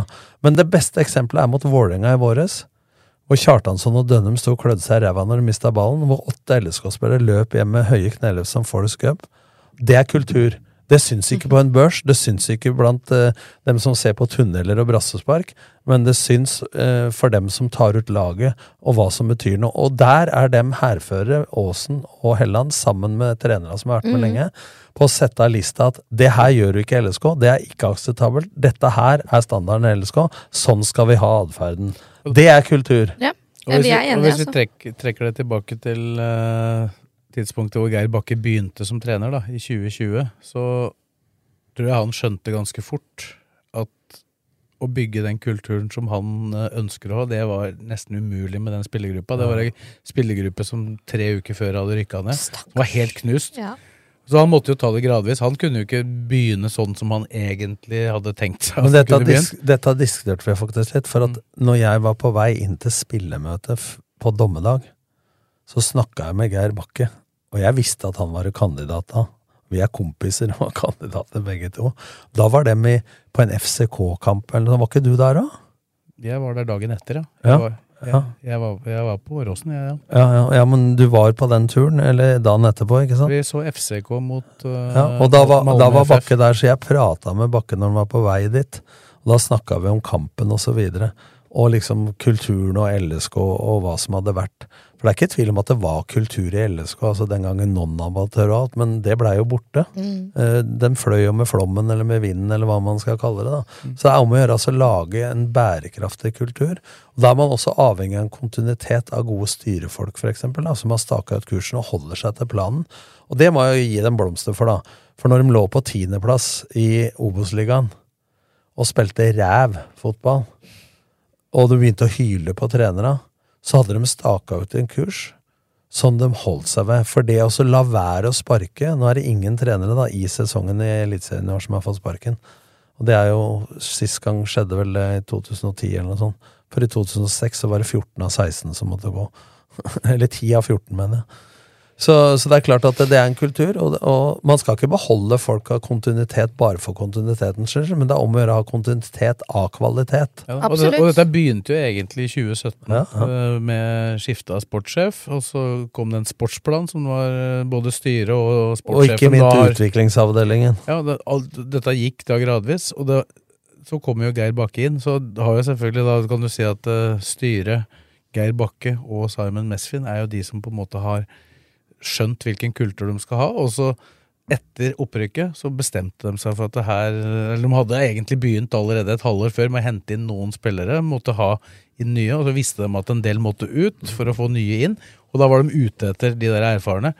Men at det skulle gå så fort å bygge kultur som, som det gikk da Men- med de to de traff, det, det Men alt, hadde de ikke engang men alt behøver ikke å ta så lang tid hvis de kommer inn med den respekten. Men jeg må jo si den tok det LSK-laget i åtte dager i dommedagstider, så må jeg si at jeg var både på det, også på hva det lå av trenings- eller vinnerkultur. Altså, de har jo null selvtillit, men på spillere som man trodde i utgangspunktet, uten å nevne navn, da, hadde en posisjon, og hvor du avslører i løpet av tre-fire dager Det var mye nervøsitet der. ja, men, altså, men man avslører også på en måte litt kunnskapsnivå, da, hvor liksom den kulturen som er der, hvor interessert de er. Nå kan jeg tippe at det er Helland og, og Åsen, for eksempel, de kan sitte og diskutere når de spiller kort, og hvordan skal vi stoppe han på Rosenborg. Altså, før så satt spillerne for å sette det på spissen, ikke bare LSK, satt og venta på at uh, treneren kom inn på spillemøte eller på en trening med taktikk, så fortell meg hva jeg skal gjøre. Mm. Hvis du tar overfører fra håndball, som jeg tror Lillesund er i ferd med å gjøre nå, hvis du veit som wing skal møte den bekken, eh, for eksempel, da, eller ving wing mot wing Hva er svakhetene til den bekken du skal møte i helga? Hvordan skal jeg som wing utnytte det? Eh, Keeperen i håndball han veit hele tida eh, hvordan den og den skytteren skyter osv. Den kulturen tror jeg, hvis jeg skal gjette litt, er i ferd med å komme inn i LSK. At spillerne sjøl har litt mer ansvar for at ja, nå skal vi møte den motstanderen, de spiller sånn. Jeg skal møte den og den spilleren. Den eh, gladiatorkampen mot den spilleren skal jeg vinne. Istedenfor å komme av sånn som før i tida på spillemøtet og bare høre på hva treneren hadde å si, og så har du liksom ikke vært gjennom uka på de greiene. Altså, jeg setter det litt svart-hvitt nå, Jo, jo. men jeg tror Nei, det, det er jo sånn de, mer har gjort, de har gjort det til en arbeidsdag. Da. Ja, I. Preseason så er jo spillere er jo der eh, som en vanlig arbeidsdag for en Ja, helt vanlig Ja, og nå er de jo der altså, før de trenger å møte opp og henge med hverandre etterpå. Sånn. De er jo en kompisgjeng. De backer hverandre. Det er så, altså, Ja, blir så glad av å se det, da. Ja, de er ikke på jobb og bare oh, 'Nå er klokka fire', Ja, men så sitter de ikke bare og diskuterer eh, Holdt jeg på å si noe stygt. eh, Bare moroheter. Altså, dem, det det sånn opplevde jeg faktisk litt i Start og i Odd. Andre klubber, og litt i Lillestrøm, men andre klubber har ikke opplevd det. For det, de involverte seg i hvordan de skulle ha planen til helga. da. Det er bra. Og øve på det gjennom uka. Og det, jeg mener at kollektiv LSK og kan jeg tenke, Hvorfor er du så positiv, for høsten har vært dårlig? Men det har vært vesentlig sterkere enn spiller for spiller. Ja, det er godt å høre. Det lover godt for neste sesong. Altså Jeg tror at det skal litt mer til nå. Det må gjøre en god jobb hos spillerlogistikk, men jeg tror det skal litt mer til å hvelve den kulturen de er i ferd med. Ja, man bytter jo ikke alle bærebjelkene på en gang. Ja. Da detter jo huset ned, men jeg tror de vi har fått til nå, er, eh, det er veldig godt fundament. Hvertfall. Men samtidig så skal det ikke så mye motgang til før supportere, menigmann og alt begynner å klage. Og det er da man får testa hvor man, som du sa i stad, han tør å stå i det. Trenere gjør det, styret gjør det. Hvordan den kjemien er hvis man møter motgang. Da får man se hva kulturen eventuelt er. verdt. Fotball er jo mye følelser, da. Som fotballsupportere generelt føler mye, og så går det veldig fort over. Ja, men jeg, nå snakker jeg om at dem ikke må påvirke så mye av det. da. Hvis det Mm. blir motgang, så er det naturlig at supportere begynner å hylle. Og det er noe av jobben deres òg. Men det er da man får se liksom hvor bærekraftig det er. da. Altså, det er ikke så vanskelig også å stå imot de greiene i medgang, da. Nei. Men da syns jeg jo gårsdagen, da, hvis man bare går litt tilbake der, viste styrke da, av laget. De havner under etter en dårlig periode. Man har jo snakka er det mentalt, har lufta gått ut av de? Altså, det har vært mange spekulasjoner til hvorfor Ja, de mange ikke klarte å mente jo levere, at da. de er allerede tatt ferie, de, de er ferdige. Ja, folk ja, ja, men ikke sant? Men så havner de under da etter drøye ti minutter. Men så klarer de å snu det, og så så det plutselig en periode ut som Lillestrøm à la våren 2022. Og da tenker jeg, så da er det jo noe i den gruppa som Men jeg syns også, for å utfordre de litt til LSK, da, så syns jeg også at eh, Ja, de har prestert kanskje over det stallen, for hvis du tar, eh, som vi tok i forrige pod, hvilke spillere har LSK i stallen sin som er topp fem i Norge i Eliteserien i sin posisjon, så kunne jeg sagt eh, keeper Ogbu, Matthew, Lene. Så Dragsnes kanskje, så stopper det der. Ikke sant? Men hvor godt De har eh, personlig utviklet seg for veldig mye ros osv., men hvor er det mulig å utvikle seg enda mer når det blei medaljesnakk og gullsnakk? Eh, Hva er årsaken til at man er dårligere på høsten? Er det det for at motstanderen tar mer hensyn? De har ikke vært gode nok for fotballmessig. Men jeg tror det er en sammenheng mellom det mentale og det rent fotballteknisk-taktiske. da. Så blei August Moen ganske sentral her. Eh, Adams forsvant. Ja. eh, Måtte Frid Jonsson spille Ja. eh, vesentlig mer enn det som var planen. Han skulle spille en del av de seriekampene, men han måtte spille e-cup i tillegg. Ja. Så jeg, jeg har ikke telt opp, men jeg tror han faktisk har flere spilleminutter i august måned enn han har nesten til sammen på, på resten av sesongen. Liksom. Så, Men det er sånne faktorer som mange lag kan få, da. Men jeg, jeg sier at dersom mener jeg at det kan ha en sammenheng mellom både skademessig, fysiske, taktiske, tekniske, men også det mentale. For jeg mener at de har litt å gå på der. Altså, jeg syns jeg har sett det på banen at man spillere er vill, det er ingen tvil om det, men at man ubevisst har kommet litt mer i forsvarsposisjon enn de hadde når det glei som mest. Da. Det er, selvsagt er det et utviklingspotensial der også, da. ja, og det, det, det som de har igjen å bli gode på, det er jo det vanskeligste i fotball. Å spille mot et etablert forsvar. Ja, ja. Det er jo sånn det er. Men skal vi bevege oss over på 2023, da? Og ta, skal vi ta Mats først? vi kan ta ja, vi, ja, det blir jo 2022. Han er på landslaget. Nettopp. Ja. La oss snakke litt om det. Han fikk, han fikk faktisk Ja, det er riktig. Det sto på kjøreplanen. Ja, ja. Vi Hun holder seg ja, til den. det. det Ja. Jeg holder meg til det. Jeg har faktisk lest den og greier. Ja, Pugga han, du, så du visste at det skulle komme først. Det er ikke unaturlig. Ja, det var jo en, eh, en eh, gledelig, et gledelig budskap over høyttaleranlegget rett før slutt. Mats uh, fortalte jo da i studioet vårt i går at han hadde ikke fått med seg at det ble sagt over høyttaleren, da. Ja, det gikk et sånt rykte, um, for jeg står jo bak målet og tar bilder for Kanarifansen, og da plutselig var det en som bare Mats har tatt ut på landslaget! Mats har tatt ut på landslaget! Og vi bare what?! Så det var sånn, sendte vi melding over til uh, forsanger og sånn. Um, og så kom du over spikeren, da, etter hvert. Det var jo Det er stas! Vi, vi, Det vi visste det en god stund Halvtime før, vi, da. Ja. eh, Men hvor er det Hvem er det som har tatt ut utgangspunktet? Det var Nyland, Karlstrøm, Selvik. ja, Selvik ja, da- Karlstrøm i Molde og Selvik i ja, og. Karlstrøm forfall, Mats sin. Men det er jo samtidig, da. Du kan juble. Ja, vi, vi prata jo om det i går. Ja, altså. samtidig så har jo da Er det bedre å være tredjekeeper på en A-landslagssamling? For han har jo nå bestemt seg for at Claesson er førstekeeper på U21. Da. For hvis Mats hadde vært førstekeeper der, så hadde det vært Claesson som vært i, i to treningskamper, så hadde det vært tredjekeeper, og så hadde Mats stått på Ja, Så han er jo egentlig annenkeeper på U21, og så er han tredjekeeper nå på Ja, men så veit vi jo samtidig ikke Det er jo to forskjellige trenere, da. Ja. Smerud velger Claesson for en uh, Hedenstad Christiansen, men det er jo ikke sikkert Ståle Solbakken gjør det Nei, men jeg håper at- etter at dem er ferdig. Men jeg, altså, sånn som jeg kjenner Ståle, da, så tror jeg han har en finger med. Jeg håper at de snakker sammen. for Men har ikke Smerud egentlig valgt at uh, Claesson og Hedenstad står mer eller mindre annenhver kamp? Nei, de har ikke gjort det. Har de ikke det? Egentlig fikk jo Mats den jobben, og så sto han godt. Og så sto, fikk uh, Claesson én kamp i Premier League, og da var det rett inn igjen. Mhm. For Claesson ble vraka. Ja. Han hadde, gjorde, hadde en dårlig kamp, og så kom eh, Mats. Mats inn og sto en god kamp. Og så Men uansett- var det et innhopp i Premier League, og så var han tilbake. Men uansett grunn, da, så er det lenge siden LSK har hatt eh, Thomas Lene var vel i troppen en gang i fjor. mm. Så Men det nå er, er, nå er det ikke sikkert at, at Mats rangeres bak Selvik, egentlig. For det er grunnen til at de to U21-keeperne ikke var med, var jo fordi at de skulle være på U21. Men sånn Selvik har stått i år, så tror jeg Jeg mener at han er meget god. Men eh, Blomster, altså han er i A-landslagstroppen. Altså, vi har bare La oss ikke snakke det ned. La oss Nei. Nei, jeg har ikke snakka det ned, men vi har lagt noen fakta på, Ja på, i bånn, som vi veit trenere tenker. Ja. Men det er jo klart det er eh, blomster til Mats. Men eh, han har jo faktisk vært hakket bedre før i år enn han har vært akkurat nå i det siste, da, når Men han ble eh, tatt ut. får jo håpe han leverer under press, da. At han vokser litt på det òg. Leverer på trening, men da, han kommer ikke til å stå. strengt, Nei, nei, men man skal jo vise seg fram. Det er jo om Ja. det er trening eller i Streng, kamp. Så. strengt tatt så var vel uh, Hedenstad Christiansen nesten enda bedre i fjor, faktisk. Ja, ja. Enn han har vært i år, hvis du ser i summen av det. Men det er vanskelig andre året. Mm. Han, eh, det var jo liksom det første Selv om han spilte Obo så godt der året før, så var det jo, er det det andre året i Men det tror jeg har med også at han første året så tar han ikke så stor risiko og safer mer.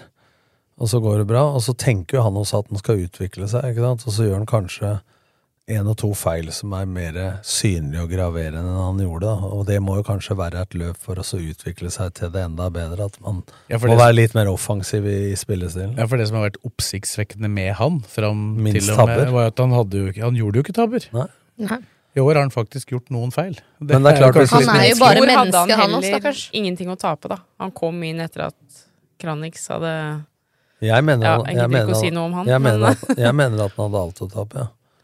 Når du debuterer i Eliteserien og ikke har vært der før, så hvis du driter deg ut da, så får du det lenge til Jo, men eh, keeperen som sto de to første kampene, hadde jo også dritt seg ut, så sånn sett så hadde han jo ikke noe å tape. Ja, ja, Bare den ene kampen. Han Ja, men han sto jo ikke bra. Ja, nei, men, ikke bra. Hvis Kranix hadde dritt seg ut, da, og Mats hadde gjort det, så hadde de henta en annen keeper. Ja, det Da hadde hadde ikke hans karriere vært ferdig. Det er poenget mitt. Men han spilte kanskje med litt lave skuldre, da. Og jeg tror at, Men hvis han skal bli en keeper som tar mer av det du ikke forventer at han skal ta, så må han jo være litt mer offensiv i stilen, og det er jo et Men du må gjøre det mest på trening, da, for en turner tar jo ikke trippel salto for første gang i stevne. Han gjør det noen ganger på treninga. Så, men en eller annen gang så må du ta det ut i konkurranse, så det er klart at eh, Jeg tenker på at det en lite tilbakesteg på noe kan være en del av et utviklingsløp, da. Men for noen ny keepertrener, da? Hva Du har jo vært trener sjøl. Hva, hva hvor mye betyr keepertreneren for uh, keeperen? Nei, vi har jo pleid, Grodås var under meg, vi pleide å kalle det for en, en sær gjeng, da. Ja, det er, det er jo dem som trener mest, Ja, og som regel. er, keeper er spesielle og skal stå i veien for ballen, er det vi pleide å si, men, eh, men ja, hvor, hvor mye engasjerer en hovedtrener seg i litt, litt forskjellig, tror jeg, for at jeg gjorde det litt mer fordi at jeg var jo keepertrener i Strømmen og hjelpetrener for Joar Hoff. Altså jeg trente Eirik Arildseth, Ole Thomas Bull osv. Så, videre. så det kommer an på interessen du har for det. Men det er jo som regel eh, hovedtreneren til slutt har siste ordet da, i forhold til hvem som skal stå, men du hører jo selvsagt på det. Men jeg tror kjemien, i og med at en trener trener liksom hele gruppa, mens en keepertrener har ansvaret for de tre. Så det blir den kjemien som er mellom dem, er ganske avgjørende. Eh, og at man greier å lage et miljø, sånn som litt i håndballen, at den ene keeperen unner den andre suksess. For hvis det blir sånn skolemiljø og misunnelse rundt det, så blir det fort negativt eh, keepermiljø, og da blir det tre einstøinger. Der var jo eh, ikke Einar, men sønn Rossbakk, Sondre, var eksemplarisk i Odd. Han ble vraka for Leopold Valstedt og var jo eh, i landslagstroppen og eh, aktuell for proff og sånn.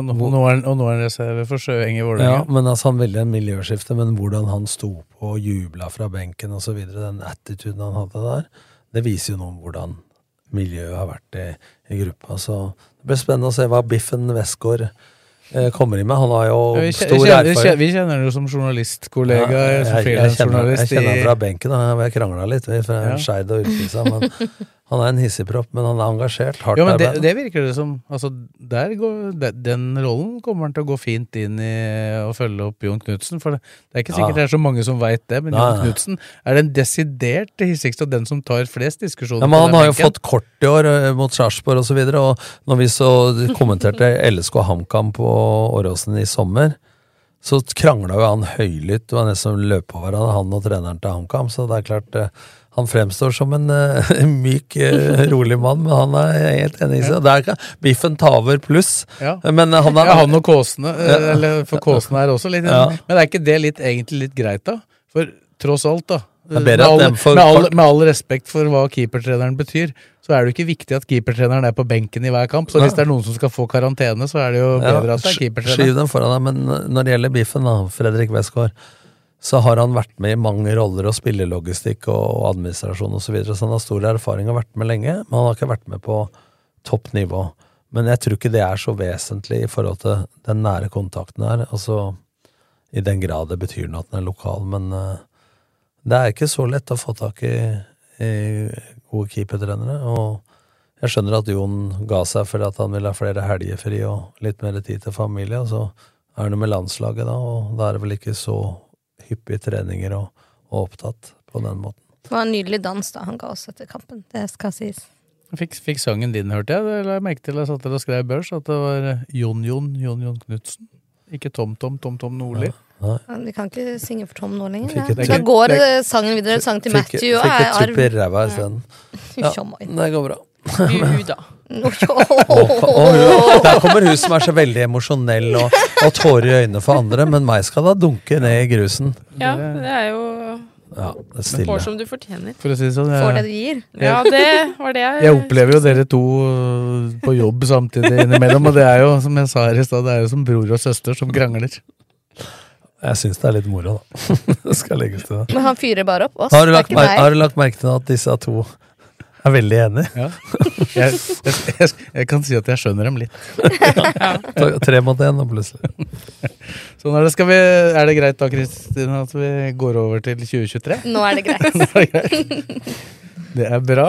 Eh, det er jo noen spillere som definitivt forsvinner ut. En av dem har vi akkurat prata om, Pål André Helland. Han er eh, definitivt eh, ute. Og så er det andre som kan være på vei ut. Er jo da Matthew. Han, Og Tom. og Tom Petterson, som da i hvert fall har kontrakter som går ut. Og så er det jo Mm. noen lånespillere som uh, Humbert Frid-Jonsson og Aral Simsir, som eh, Går de Altså- ut i år? Hvor, hvor lenge er de i kontrakten, egentlig? Nei, den leiekontrakta går ut etter Sira, så de fikk jo blomster i går. Men SimSira har jo femårskontrakt med Midtjylland. Ja, ja. Han er jo leid. Ja, må i syns du det tilfelle er litt leies på synd nytt, med SimSira, Han har jo ikke fått vist seg fram noen ting, egentlig. Det kan jo ha med at han ikke har vært god på trening. Ja, det vet jo ikke jeg. Antageligvis. Er, Ja. De leier han jo ikke inn i utgangspunktet for å holde i vannflaska. Nei, jeg Det er nok en grunn til det, tenker jeg. Så det eh, Altså, Fridjonsson eh, spørs da, kan det være dyr? Altså, de kan kjøpe han, har en opsjon på det. Spørsmålet er om han vil. Vi, Ja. De har jo Akora Ja. Adams og Thomas Lene Olsen, som vel kanskje per nå det hadde jo vært fint å ha den i stallen, men det er jo et økonomisk og en vilje Det fra han. virker han, som han er ferdig, for jeg så på Instagram i stad, så var det et bilde av han og Colin Rushler. Da skrev han 'Lillebroren min, jeg kommer til å savne deg'. Mm.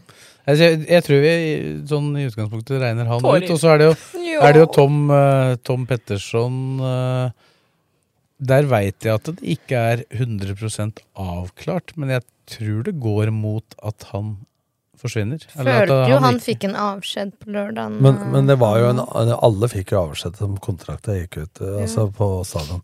Men det er jo Nei, tvil. jeg er på Martin, sier jeg da. Ja. Selv om jeg ikke var der. Ja. Men Du var der Du var på. FaceTime? ja, jeg, jeg var der på FaceTime. Jeg er ganske heldig. Hva skal man gjort uten Men alle fikk jo blomster på som kontrakta foreløpig ikke skal være med, sa de om høyttaleren. Jeg, altså jeg veit at de har vært i forhandlinger, men jeg veit at de ikke er enige. Ja, men Det var stor avstand økonomisk, det er ikke noe å legge skjul på det. Og så har det nærma seg litt, men så er spørsmålet da ikke sant, at uh, hvor mye forlanger han, hvor mye er LSK villig til å gi, hvor lett er det å få tak i en venstrebeint midtstopper av samme kvalitet, hva med skadene til Tom Petterson, Tre, alder osv. tre skadeopphold i år. Ja. Mm. Uh, så det det var første liksom hele sesongen han var i LSK. Når den kom, så Jeg var han vel tror, ikke at, ute. jeg tror at det er sayonara. Og så er det jo det vanlige spørsmålet som uh, Matthew. Det er Matthew. Det er Matthew. Han er den som har vært lengst i klubben. Nå er kontrakta nok en gang på vei ut. Han har jo gjort som Bent Leikvoll mange ganger, kommet tilbake igjen. Men jeg tror, altså når det gjelder han, så hørte jeg på gangen her i stad dere diskuterte, altså, så er det mange som tenker at han går nå. Så tenker jeg sånn, han har jo vært bra, men på de kvalitetene en utenlandsklubb, da må det være en lavere liga og penger. At han skal avslutte med det. For at når han motvillig går fram i går, så er det hans beskjedenhet. Men så, jeg satt og tenkte sånn, er det fordi at han innerst inne tenker at jeg skal jo være her? Jeg håper det. Jeg har fortsatt litt sånn tro på at han til syvende og sist signerer. Det kommer litt an på om han har skaffa seg en normal eller den forrige agenten han Ja, hadde. Var jo ikke, i som du krangla med, han er jo ikke helt, var jo ikke helt i vater, for å si det sånn. Hvem? Han derre som såkalt var agenten til Matthew. Ja, nei, han, Det var ikke en agent, det var han som skulle saksøke meg. det. Ja, nettopp. Jeg var, Jeg var, var ikke så fryktelig redd. for å si Nei. det. Nei, nei, Dette det- var jo da Matthew oppholdt seg ulovlig i Norge. Ja, Foran 2020, 2020 var vel det? Ja, ja. Før Obos-sesongen. Nei, det var det ikke. Foran 2021 var det. Ja, det var Etter. Obos-opprykket Ja. var det. Og da måtte jeg, skrev jo jeg at han oppholdt seg ulovlig i Norge, og prøvde jo da å få både Matthew og han til å uttale seg om det. Og da, da det da ble kjent, og jeg hadde snakka med politiet, så lurte han jo på om jeg jobba for politiet. Så at jeg er journalist. Jeg stiller de spørsmåla som må stilles. Ja. Og da da ringte han opp igjen og fikk bekrefta at dette var ulovlig, eh, og at eh, Matthew også da Han forsto jo dette her, Ja, ja. så han brøyt jo med den agenten. Det er derfor jeg sier og når jeg da ringer opp igjen, og må ringe opp igjen i den forbindelse, så visste jo jeg at jeg kom til å få så øra hang eh, på telefonen der. Men jeg tok den telefonen, og da, da skulle han saksøke meg. Men jeg har aldri sett noe til det søksmålet. Så rart. Og Matthew har vært her etterpå, så får vi se hvilken agent eh, Matthew har. Han har en svensk agent nå. Ja. Får håpe han har noen som tar vare på interessen Hvis de har, hvis, ja, men, men det er en del agenter faktisk som tenker antall overganger og penger til seg sjøl av det, så jeg håper de har en som er hans interesser. Ja, for det, ja, absolutt. Men det er man vel litt usikker på, er man ikke det? Jo litt usikker. Det er en svensk agent som vel ikke har forstått er eh, en av de som svenske klubber er mest glad i, da. Ja. Men eh, Uff da. Nei, jeg håper det løser seg for han. Eh, gjerne i LSK. Så det gjenstår å se, men litt åpent der. Og så kan, kan vi ikke starte på keeperposisjon, da? Ja. Det er ikke noe som tyder på at uh, Malcedes og Christiansen blir solgt. Det er en keeper på prøvetrening nå, er det ikke? Det har vært. Uh, da er jo da han klink førstevalg i den keeperkonstellasjonen som er per i dag. Det er ikke det er det er sikkert det, er ikke sikkert det er en fordel. Ja, han har jo vist seg før at han har vært best når han har hatt konkurranse. Ja. Uh, jeg tror vi kan erfare at uh, Skjærstein nok ønsker å, hvis det er mulig, å finne seg en klubb hvor han kan Spille litt. spille litt mer. Ja. Og hvis han da forsvinner, så må det jo en ny keeper inn. Og så er det også et spørsmål med Jørgen Sveinhaug, som kanskje er den keeperen jeg har sett i LSK som ligner mest på Mats, som keepertype. Uh, Så er det spørsmål om det skal han må låne, om han må lånes, lånes ut, kanskje, nå. Men det er jo en grunn til at de har en keeper på det prøve. Ja. Ja, Det er fordi man ser jo Man må jo ha flere. Man kan ikke bare ha én keeper. Og det er jo en keeper som da er 19 år, fra New Zealand. Han uh, kom til Ljungskile foran den sesongen her. Spilte ikke noe særlig på første, i første halvdel av den sesongen, men overtok plassen etter hvert. Og er, det har visst gitt et ganske bra inntrykk. Uh. Jeg, jeg mener jo at det må ha Ingen forkleinelse for Skjærstad, men jeg mener at det, hvis det er mulig, da, når det er en klink førstekeeper Men jeg mener at Mats 1 trenger litt mer konkurranse for å ta det det siste steget. Nummer to, vi må ha en- vi, LSK, må ha en keeper. Vi, ja. Ja, vi reiser oss opp og jubler. Husk at du er på jobb nå. Ja. Og kalle, kall- øh, når man jobber, pleier man å få lønn, gjør man ikke det? Ja vel, det er greit. Hvor var jeg? Du drev på keeperdrodling. Ja, At han bør være bedre enn det Skjærstein er nå. Sånn at ikke konsekvensen blir like store. For Skjærstein er grei, men han skapte en utrygghet i forhold bak der som ikke holder, mener jeg. Hvis du skal, vi snakka om stall i stad. Mm. Om man er én ut og én inn, så må man også ha det på keeperplass, ikke bare på andre posisjoner. Han er helt enig. Det, Mm. Skal vi gå videre på laget, da, så kan vi jo tenke høyrebacker. Der er Eskil Ed og Lars Ranger eh, på kontrakt, begge to. Der trenger jeg ikke noe.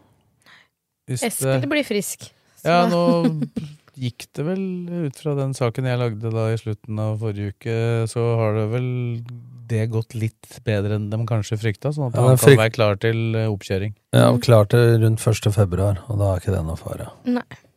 Så da, og da er det spørsmål om hva Lars Ranger tenker, da, som har eh, vel ett år igjen av kontrakta. Jeg veit at det har vært noen klubber som har vært interessert i Lars Ranger. Samtidig så har han tålt kritikken, heva seg etterpå, og ser at han får spille en del. Eh, Så jeg tror at eh, det er en fin match. Det er sunt med litt konkurranse på plassen nå, tenker jeg.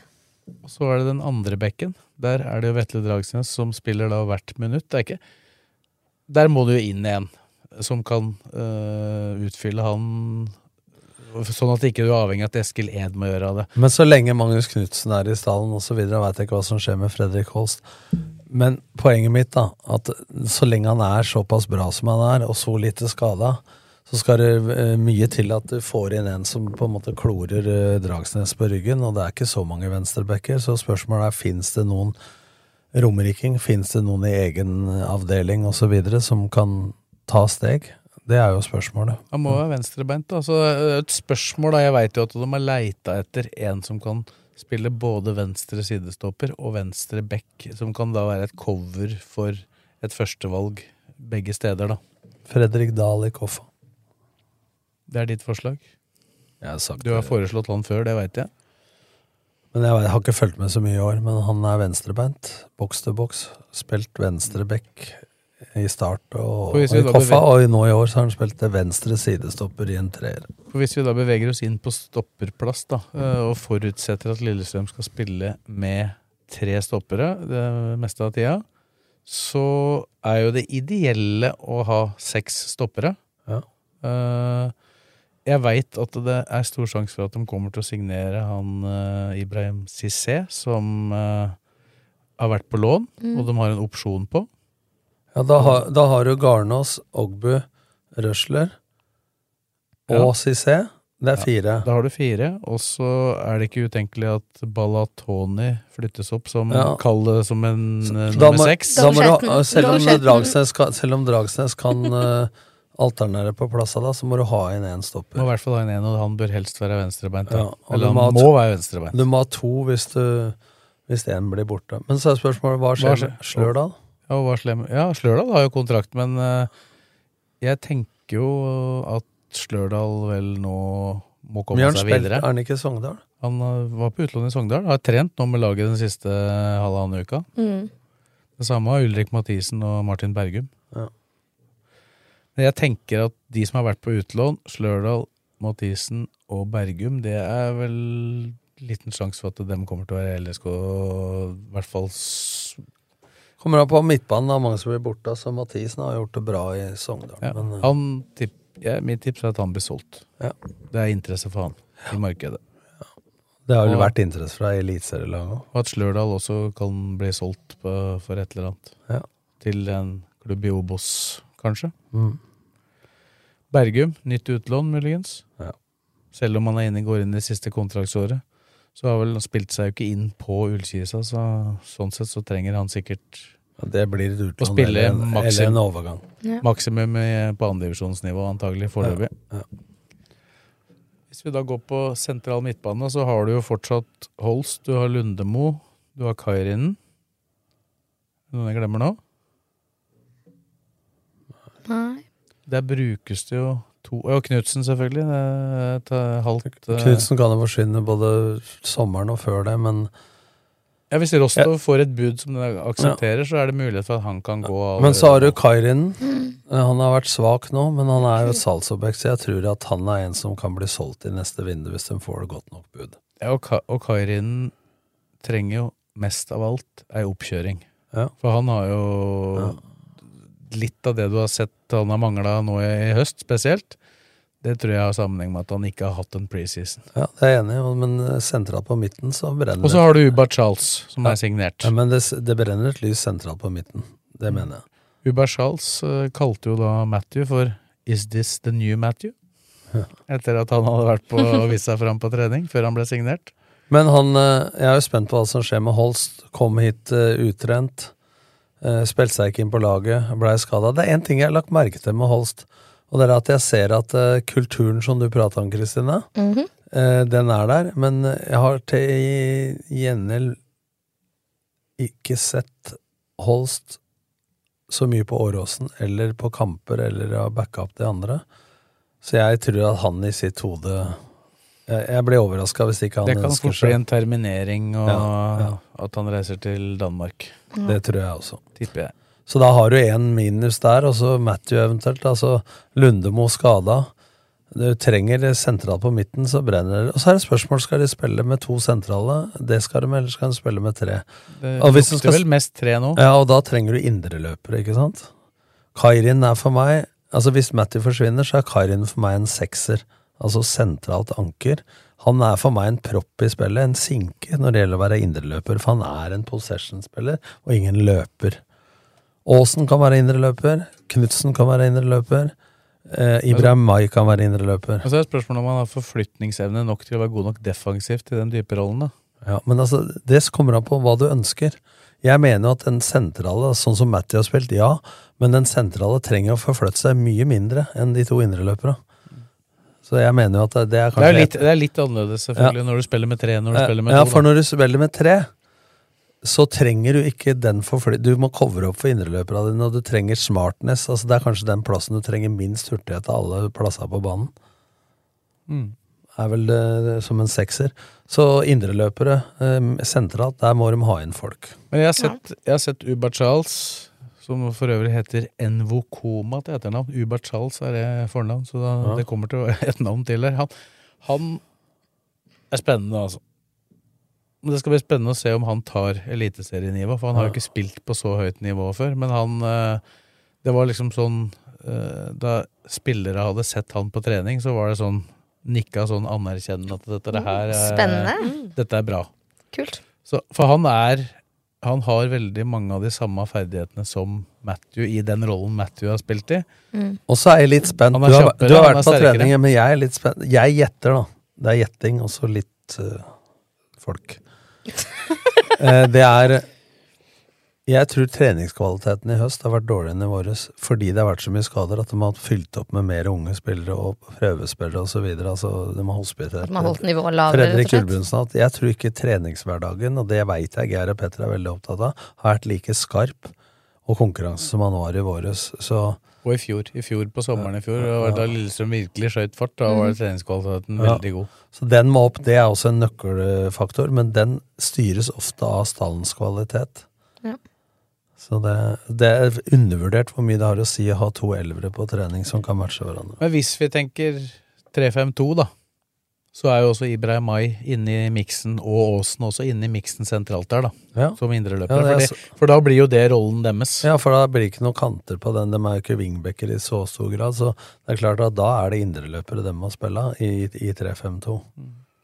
Og da er det jo plutselig ganske mange midtbanespillere Ja, ja. igjen. Da, så, men de trenger vel, trenger vel hvis, i hvert fall hvis Holst forsvinner, så trengs det jo en eh, Men hvis du ser hva Lillestrøm har slitt med i år, så er det de kampene de har spilt med to sentrale midtbanespillere mot lag som har spilt med tre, enten i 3-5-2, 4-5-1 eller 4-3-3.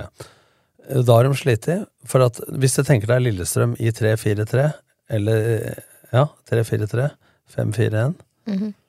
så er problemet vært at når bekka til Lillestrøm, da, si Dragsnes og Ed eller Ranger, når de hører til midtbaneleddet, så har midtbaneleddet nok trøkk. Da er det plass på utsida av de tre stoppera. Hvis dem er nede i en femmer, så er det vært Kairin og Charles Nei, Charles, ja. Kairin og Matthew som har dekka hele banebredden. Ja. Ikke sant? Og da må kanta ned der også. Så det, da, da har det blitt for stor oppgave mot de laga som har vært veldig samhandlingssterke.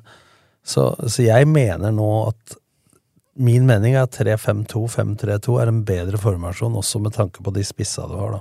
Ja.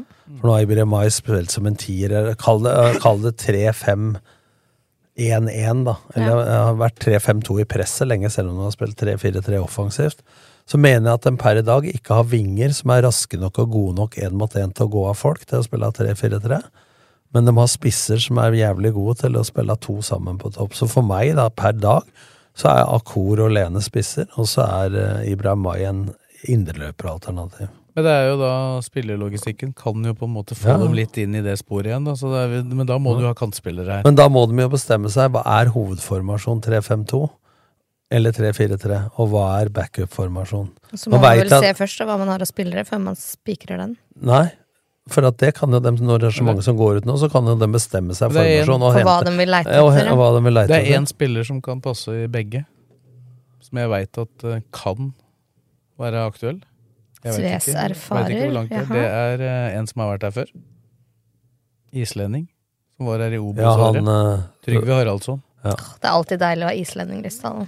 Og så er jo jeg litt sånn, når jeg så han stå og prata med Simon i går ute på banen der, Ja. så tenkte jeg Kurashai. Kurashai. Han Ja. eh, Det var nok ikke tilfeldig at de snakka sammen. Det tror jeg ikke.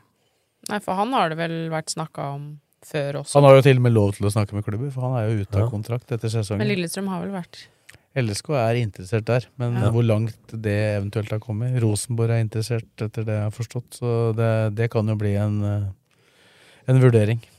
Jeg, jeg tipper at de aller fleste klubba i, i norsk eliteserie Hvis, vil ha han. hvis det ikke står om mye forskjell på kronene, så tror jeg Espen Olsen hvis han, eh, han bestemmer jo ikke det, spilleren, men jeg tror Espen Olsen heller selger til Lillestrøm enn til Rosenborg etter den fighten med Rekdal. Ja, Ja, men jeg tenker jo da, men For spilleren nå, altså kommer han til Lillestrøm, så vil han jo få spille. Altså Da vil det jo Da være at han kan, er en del av planen. da Det kan, tror jeg ikke. da kan det hende han kan bo i ei ordentlig leilighet, og ikke bo i ei leilighet som Strømmen leide til. Han var i Strømmen. Det var eh, en del av betalinga den gangen. Det var jo historisk billige spillere for Strømmen den gangen, mener jeg husker. Men jeg tror jo at det, også at han spilte i Rosenborg, da, for de er Sam Rogers også. Men han er jo da en spiller som er tobeint, så han Ja. kan spille til venstre. Han gjør jo det for, eh, for HamKam, så der ja, da kan ikke... de slå to fluer i en smekk i én spiller. Da. Ja. Det er jo en fordel. For da kan du bruke de overskytende penga til en annen. Så nei, det blir, eh, det blir spennende. Det er på topp, da. At det, hvem skal være cover for uh, Akor Adams og Thomas Lene Olsen, jeg- hvis den blir Ja, men dette kommer han på. For spiller de 3-4-3, så trenger du kanskje bare to midtspisser. Ja, og så har du Henrik Skogvold. da. Ja, men spiller du 3-5-2, så trenger du fire. Og Tobias kommer jo sannsynligvis tilbake, da. La oss ikke glemme han. Er du sikker på det? Det var det han skrev til Kanarifansen i går på Insta, i hvert fall. Han har trent, trent litt med laget nå de siste par ukene. Ja. Ja, han har vært Så Men hvis de er 3-5-2, hvor skal han spille? indreløper. Og så kan du jo spille 3-5-2 med en tier også, da. Der, der kan jo passe, men da har du jo andre som kanskje passer Men det enda så vi sist at 3-4-1-2, og han ikke detter ned defensivt, så har du det samme problemet som jeg beskrev i stad. Da blir det smalt. Så Men da har du jo, med en sånn spillestand, så har du muligheten til å alternere, da. Ikke sant? Altså, Der har vi jokeren. Han er en indreløper hvis du skal tenke at du skal skåre mål, men hvis du skal ha en indreløper fra start som skal spille boks-boks og være god begge veier, så ser ikke Svendsen som det. Nei, det blir spennende å se. Aller viktigst for han er det jo at han faktisk Blir frisk. Blir frisk og Ja. er mulig å yte. Hadde jo trengt han i høst i mange, av de, Absolutt. mange av de kampene hvor, eh, hvor de da har slitt med Han er jo i stand til å komme seg Da gjennom Sim Sier skulle jeg erstatte han, og det har ikke vært i nærheten. Nei, nei, nei. Så sier folk ja, men han var jo så god i Jerv. Ja, med all respekt, det er lettere å markere seg på Jerv enn på LSK. Det er merkelig. Men jeg tror ikke han har kommet inn i miljøet heller, for jeg har lagt merke til at han er alltid først ut av stadion etter kamp. Jeg har sett ham på trening. Han er fryktelig god med ball. Mm. Men uh, han, han, løper, he, he, løper helst én vei. Ja, og så spørsmålet Altså som. Karina sier er hvordan har han vært i garderoben osv. Man prata mye om kultur. Jeg tror ikke han nødvendigvis har sklidd rett inn i den kulturen. Nei, det tror ikke jeg heller. Men tilbake til Svendsen. Det at han er her så mye òg, Det det er et godt tegn, og vitner jo om denne kulturen og det som faktisk har skjedd i garderoben der. Da, Mm. at han sliter med det han gjør, og har på en måte flytta hjem og ikke sant. Men han er jo Han, er, det. han dro hjem på lørdag. Jeg sjekka jo tilfelle han eh, skulle vært til stede på festen. For da måtte vi jo selvfølgelig ha gjort Ja, noe ut av det Ja, at det. han er her så mye på treninger, det er her han på en måte velger å Men Jeg tror ikke han søkte nødvendigvis i den posisjonen han er nå. Min Mm. erfaring med det er så har han sikkert vært på trening, men jeg tror ikke han søkte den oppmerksomheten som eventuelt ville vært Nei, nei, og det er helt fair. Han trenger ikke ja, det. Men det var bare sånn hvis han hadde vært ja, med på festen. men jeg sier at jeg syns det er en naturlig forklaring, at sånn jeg kjenner det, at Mm. han ikke er der. Ja. Men vi vil, jeg ville bare dobbeltsjekke. Og så tenkte jeg det var jo Vi sang jo for ham på stadion. Eh, nå fikk vi jo filma en del av spillertangene og lagt det ut på Instagram, og da måtte vi jo tagge den. Da Mm. sendte han jo et hjerte, og da svarte vi jo selvfølgelig 'tenker vi på han'. Mm. Han var tilbake neste år. Det, det velger jeg å tro på, og det gleder jeg meg til. Så får vi håpe at eh, ja, Han hadde ikke står. skrevet det hvis det ikke var noe i det, tenker jeg da. Men når han får orden da på å bli frisk Hans utfordring er jo å bli relasjonell. Ikke sant? For hvis han skal bli noe bedre enn en superinnbytter, så er det klart at han må bli like lett å spille med som han er vanskelig å spille mot. Ja. Ja. Så han har jo individuelle, suverene kvaliteter, så er det å bli relasjonell med de andre, så han får en kollektiv betydning. Det tror jeg han klarer å få. Yes. Kristina har trua. Kom hjertet fram igjen. Ja, du så at det vokste litt. Ja, bra det. Fotballpodkasten Dødball er straks tilbake.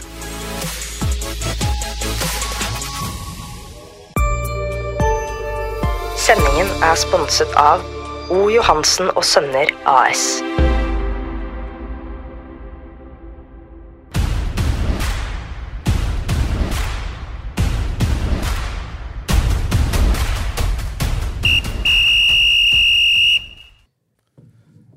Da er vi over i lokalballavdelingen uten Blakeren.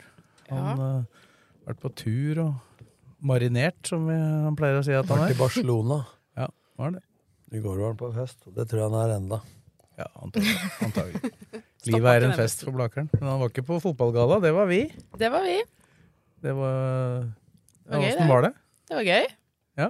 Det, jeg var jo ikke helt forberedt på at jeg skulle være tause Birgitte, så jeg hadde sykt vondt i bena mine etter å ha stått rett opp og ned i to timer.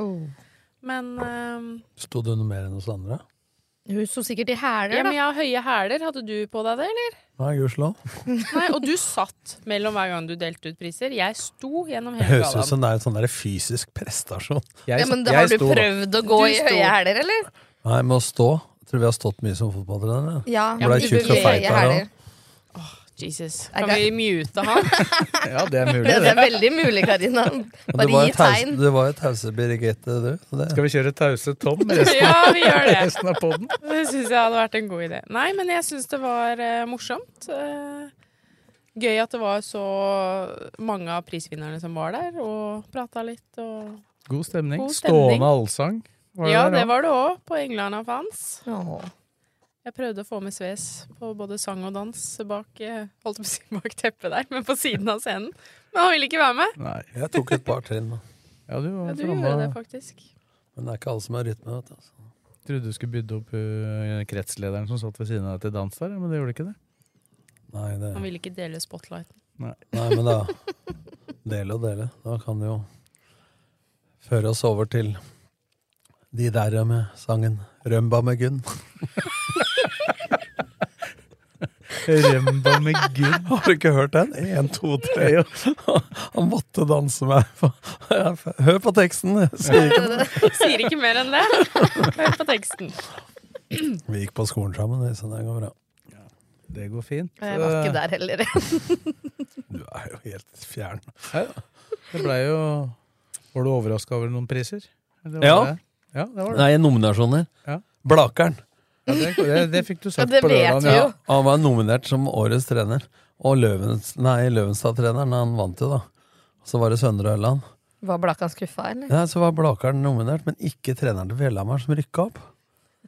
Altså, det er greit hvis forutsetning er sånn. Så du, De har prata om Paco i Eliteserien og gode, u- dårlige forutsetninger. Men Blakeren han rykka ned fra fjerde. Som ble nominert. Ja, Hvis Lillestrøm rykka ned i Obos, så tror du at de skal rykke opp igjen. ikke sant? Fjell, Fjellhamar eh, hadde beste troppen, mente mange. Ja. Så har ikke levert, da. Men det var jo trenere og spillere og sånn som hadde dominert, opp, var det ikke det? Så Ja. det Det er er ikke- jo andre klubber som har Om stemt det er på andre kriterier de Det trenerne for det. de har, st- Han er stemt fram til å være en av topp tre. Ja, Men han var ikke nummer én, da. godt likt, sier jeg da. Ja. Du husker jo, husker jo for tre år siden. Kjetil Rydje fikk jo sjokkpris i Ja, fjerde tenk deg divisjon. det, Han, han unnskyldte seg jo fra scenen. Ja, og det var jaggu godt. For da protesterte jeg da òg. Det er ikke fordi at jeg skal ta kamerata. Ja, de, Er du sikker? han unner ikke de nærmest seg noen Han, ting. ingenting. Ordentlig ufin, egentlig. Nei, men det er stakka proff eller Jeg emosjonell. Det har vi diskutert før i dag, for å si det sånn. Jeg prøvde jo å selge inn deg til Løvenstad der på scenen, ja, men det var ikke så interessert i det. Men da måtte du jo sannsynligvis ha sparka Mats Arstad, da. Ja, men det var morsomt, da. For Ståle Arstad, faren til han som vant uh, årets trener, han trente jo jeg i Løvenstad. Mm. Og så sa jeg får hilse faren din, altså. Jeg, jeg tror ikke mikken tok det med seg, så Jo da. Jo da. Jo Så sier han. «Him- øh, Solveig, mora mi, jeg skal ikke hilse, jeg kjenner hun òg. Hun var jo sammen med Ståle når hun spilte på Løvenstad, så hun hang jo rundt øh, på alle kamper. Så Ja. Nei, han, han var fin der, sønnen. ja, ja, rapp i kjeften, den likte jeg. Han, han skal hilse mora òg. Ja, hvis, hvis han ligner på far sin Ståle, så har han det i kjeften, for å si det sånn. Det, det var litt gøy, men Løvenstad stakk jo av med masse priser. Og det, jeg begynte jo der i Løvenstad, så Terje Kjos i RB har vært på meg noen ganger. Men, men han sier det høyt det er mens treneren står der. Du må komme tilbake, sier han. Rykke opp et par divisjoner til først. Sant? Uff. Nei, feil draktfarge. Luton. Ja, det er, lut- det er riktig, det. Det er eh, tatt uh, av gamle Luten-drakter. Ja. Det tror jeg faktisk er sant. Jeg farer jo ikke her med løgn. Farer ikke med løgn. Nei, det, Nei. det, Gud forby. Sa Tom Nordli 90 år. 90 år. Farer da ikke med løgn, dere. Nei. nei. Var det en voksen setning? Det var en meget voksen setning. Men nå må vi komme videre, for nå har jeg fått to tekstmeldinger med spørsmål om det ikke er pod i dag. Så nå må vi forte oss, fort, forte oss så vi får lagt ut denne. Ja. Ja. Skulle vært hjemme for et kvarter siden. Ja. Ja, nei, men det er bra, det. Vi har, har det hyggelig, da. Mm. Det er vel derfor. Vi sa jo litt i stad, det med Ja, Vi har sagt litt om gallaen, så vi trenger jo ikke å dvele så mye med, med den, kanskje. Vi kan uh... Bra arrangement. Og fint lokale, og så videre. Og folk videre på Fuset rett på to priser der. Der sleit, burde du hatt en mikrofon. Hadde dere ikke mikrofon? Nei, Morten, Ikke på Fuser. Morten ropte så jeg, jeg sto og skreik, men da holdt jeg mikrofon, for vi hadde livesending på TV samtidig. Så jeg, Oh. jeg, holdt, jeg, jeg holdt eh, mikrofonen nede ved beltestedet omtrent, sånn at det ikke skulle bli for høyt. Men det Det er Jeg tror learning folk, by jeg tror folk hørte det, det, men det, folk var jo var ikke så klare for priser da. Det var jo Nei, det var kanskje en kan justere, at jeg jeg tror du kan droppe prisene. det var passa med to. Ja. Det var jo RBs egne priser, det, da. Eidsvoll Turn stakk jo av med begge de, faktisk. Mm. Yes. både SoMe og Årets vertskap. Ja. Det er jo da prisen de, som går til den klubben som legger forholda best til rette for kommentatorer og ikke minst fotografer. Hyggelig. Der er det et par klubber som har litt å jobbe med. Ja, blant Noen, da, hvis, noen uten tak. Og, Ja, hvis du tar, tar med Eliteserien der, da. LSK ble årets klubb. Dette har jeg diskutert med Simon på gallaen. Akkurat uh, for å legge forhold til rette for pressen og sånn. Der har Lillesund det største utviklingspotensialet. I fjor så ja, ja, ja, ikke det største. Nei, det Det er i beste fall, eller verste fall, det nest største. For det er ikke noe som er verre enn Vålerenga. Jeg- Nei, men det er det greit. er det verste. Ja, men drit i det, for dem er verst uansett. Det er vi enige om. Nei, nei, det har ikke noe med at det er Vålerenga å gjøre for min del. Det er fordi at det rett og slett var Men, helt men ikke si at to kilo klementiner med 19 journalister mot Vålerenga i fjor, da, og First Price-kjeks i år, uh, at det Nei, er bra nok. Vålerenga slo ikke det heller. Altså, jeg, jeg kjenner jo en ene fotograf. Han var inne på presseområdet på matchen i går bare for å ete litt. Han. Ja, det, har, Du må, det er ikke, jo du må ikke klage.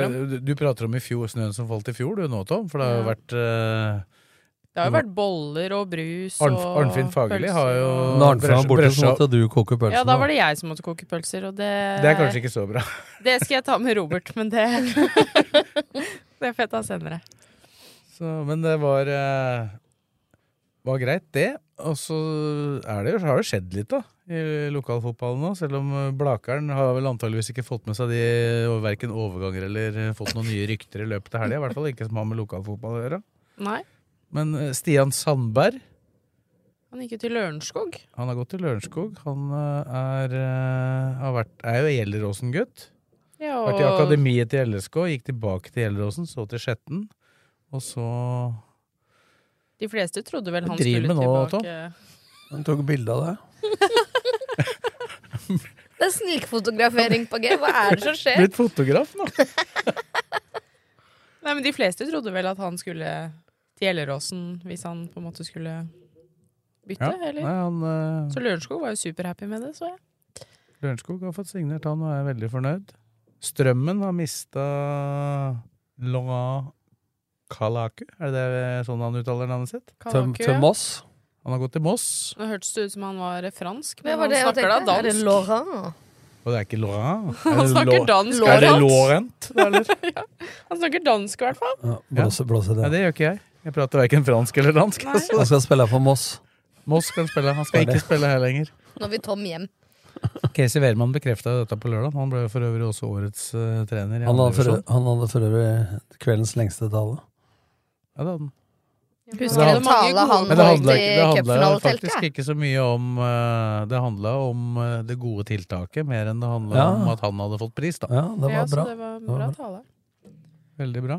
Eh, så har jo du vært på Jessheim i dag. Der blei ble det jo en nyhet. For de som eventuelt ikke har fått med seg den på rb.no, så kan du jo fortelle kort hva det var for noe. Ja, det er Landro som fortsetter som hovedtrener der.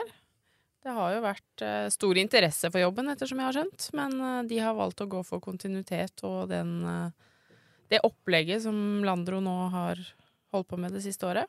Så selv om det gikk skeis, så har de troa på det, og skal også satse på samme måte. Og Ja, like, Like store tall. like store tall som i år. Det er jo interessant, Tom. Ja, det er Det bør bety at det er muligheter for å rykke opp neste år, da. positivt overraskende.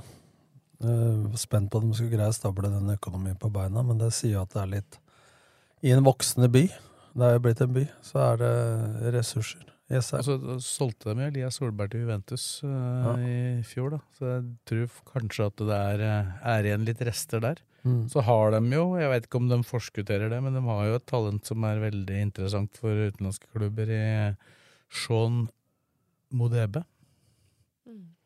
Eller Nilsen Modeba, er det vel for å være helt nøyaktig. Han, Det er heter, jo- han heter heretter Nilsen. Nei, men jeg syns det er bra da at de har uh, lagt frem et budsjett og har de planene at de vil. Fordi at det er ikke noe tvil om at uh, Romeriksfotballen trenger at uh, Ullkisa er på nivå to. De, Trenger et Obos-ligalag. Ja. Vi har jo til og med rettighetene til å selge, sende Obos-ligaen nå, i Ja. den nye TV-avtalen som ble presentert. Der er det jo en nyvinning i som de som da ikke var på den gallaen, eller ikke så på gallaen, fikk med seg. Var det kanskje noen som så på Maskorama eller Skal vi danse, istedenfor å se på at vi delte ut priser? Det er et par stykker, tror jeg. Ja, antageligvis. Men det var allikevel overraskende mange seere på den gallaen. Jeg ble positivt overraska over de tallene, faktisk. Jeg tror jeg sov, jeg. I den konkurransen. du Det er mulig å se på Du det kan se opptak. Opptak. Lucky me! Teller, teller det òg. Men uh, hvor var vi igjen? Eh, nyhet. RB-kampen. Ja, RB-kampen i fjerde fjerdedivisjon. Ja, RB-kamp fjerde, og så er det jo rettigheter til én eliteseriekamp og Obos-liga. Og eh, nevnte jo Annen og tredje, da. Som, ja, eller og. PostNord og Norsk Tipping, Ja. som de Og kalles. Og NM. Så det er jo TV2 A-media som samarbeider. A-media har kjøpt seg inn i TV-avtalen, for å si det sånn. Ja. Så det blir jo spennende. Mm Det Altså, kommer vi veldig kraftig tilbake med seinere, vil jeg tro. Og RB-kampen òg blir jo morsomt, for er det noe disse lokale og bredde fotballspillerne kan, så er det å by på seg selv. Så, Så det da vil må jo det bli bygges, da må det bygges uh, fototribuner, og helst med tak, sånn at utstyret til uh, Romerikes Blad overlever også i regnskur. Det er jo hyggelig. Det hadde vært fint. Skjetten har litt å jobbe med der. Der kan, ja. du, der kan du ta litt dugnad. Ja, jeg tenkte faktisk på det siste jeg var der. Da regna det katter. Det så ikke veldig hyggelig ut å stå der med en kamera. Og der er det også å stige opp, for, den, eh, for øvrig. Til Ja. den fotografen som skal opp der. Og det, Stakkars. det er en betimelig forklaring vi har fått på at de ikke har gjort noe mer med det, egentlig. Og det Hærverk. er hærverk. Ja, jeg skjønner det. Det var, da er vi tilbake til der vi begynte. Da. Er fra Enten- 2013 Gettersetten. Enten så Enten så spiller du fotball, eller så gjør du ikke det. Nei. Og det har jo vært mye hærverk der, så det er jo forståelig. Men eh, Ja. på en eller annen måte så må man jo klare å få Nå er vi langt ned i nerding når vi diskuterer om det er trapp eller stige. Det blir nesten sånn der bortebanesketsjen. Det er, viktig for, det er viktig for de som jobber for oss, da. Ja, jeg skjønner, men tenk den bortebane bortebanesketsjen på YouTube med Kongsvinger Atle Antonsen. Dem, Er det- er det døra går utover, ikke innover. Det er knott og ikke kran i dusjen. Vær redd for bortebane. Så nå Ja, det er det. Men eh, litt sånn Ullkisa har vi Jeg husker ikke om vi snakka om at de hadde fått ny daglig leder, gjorde vi det? Jo, vi snakka om det sist. Thomas Folke Løvdahl. Ja, Ja, stemmer. Fra jeg husker ikke om vi kjære sa-. Fra mitt kjære Skjetten. Og LSK-supporter. Men nå daglig leder i Ullkisa. Er Så da, de har jo fått på plass det. når de har fått på plass trener. Nå mangler de jo på en måte en keepertrener med litt utvida ansvar. Da. Jeg vet ikke hvem som, skal, hvem som skal lete etter spillere, men det hjelper jo litt når du har trener. da. Han har rimelig god oversikt, så Så da er jo liksom det ivaretatt. Hadde de sittet der uten de trener og uten Aalbu og uten Westgård, så hadde det vært litt verre. Og så har de jo 15 spillere, eller hva de sa. 15 kontrakt, ja. på kontrakt. Eh, og de fleste av de, når jeg snakka med de etter Arendal-kampen nå sist, så de er jo villige til å være der. De skal på en måte få til det her, så det handler jo om å få inn noe nytt og fresh, som Landro sa, men eh, stammen er jo på en måte der. Så skal Skammen er satt. Ja. Skal vi, sånn at folk som etterspør podden, skal få høre på podden? Skal vi ta og avslutte da? Så, er Så noen som etterspør meg òg, så vi ruller inn nå. er du etterspurt, da? Ja. Var det derfor du tok bilde av meg? Ga meg skylda? Nei, nei, nei. Jeg er fornøyd med at noen tar bilde av det. da. Han bare snikskryter at det er noen som etterspør han. Jeg har eh, folk hjemme som er syke. Nå skal ikke dere begynne å krangle igjen, Karina og Tom, så da tror jeg vi, da tror jeg vi skal si Kristine takk for i dag. Det er i hvert fall noen hjemme som dag, etterspør meg, Karina. Ja, nei, takk for Det at du gir det inn, da. Jeg bor aleine, jeg. Takk skal du ha. Jeg tenker vi runder av her, ja. Ja. Jeg, jeg sier takk til Karina, takk til Tom, og takk til Kristine, og takk til deg som hørte på.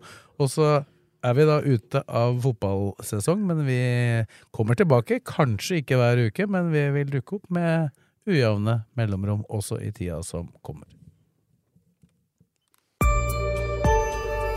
Sendingen er sponset av O. Johansen og Sønner AS.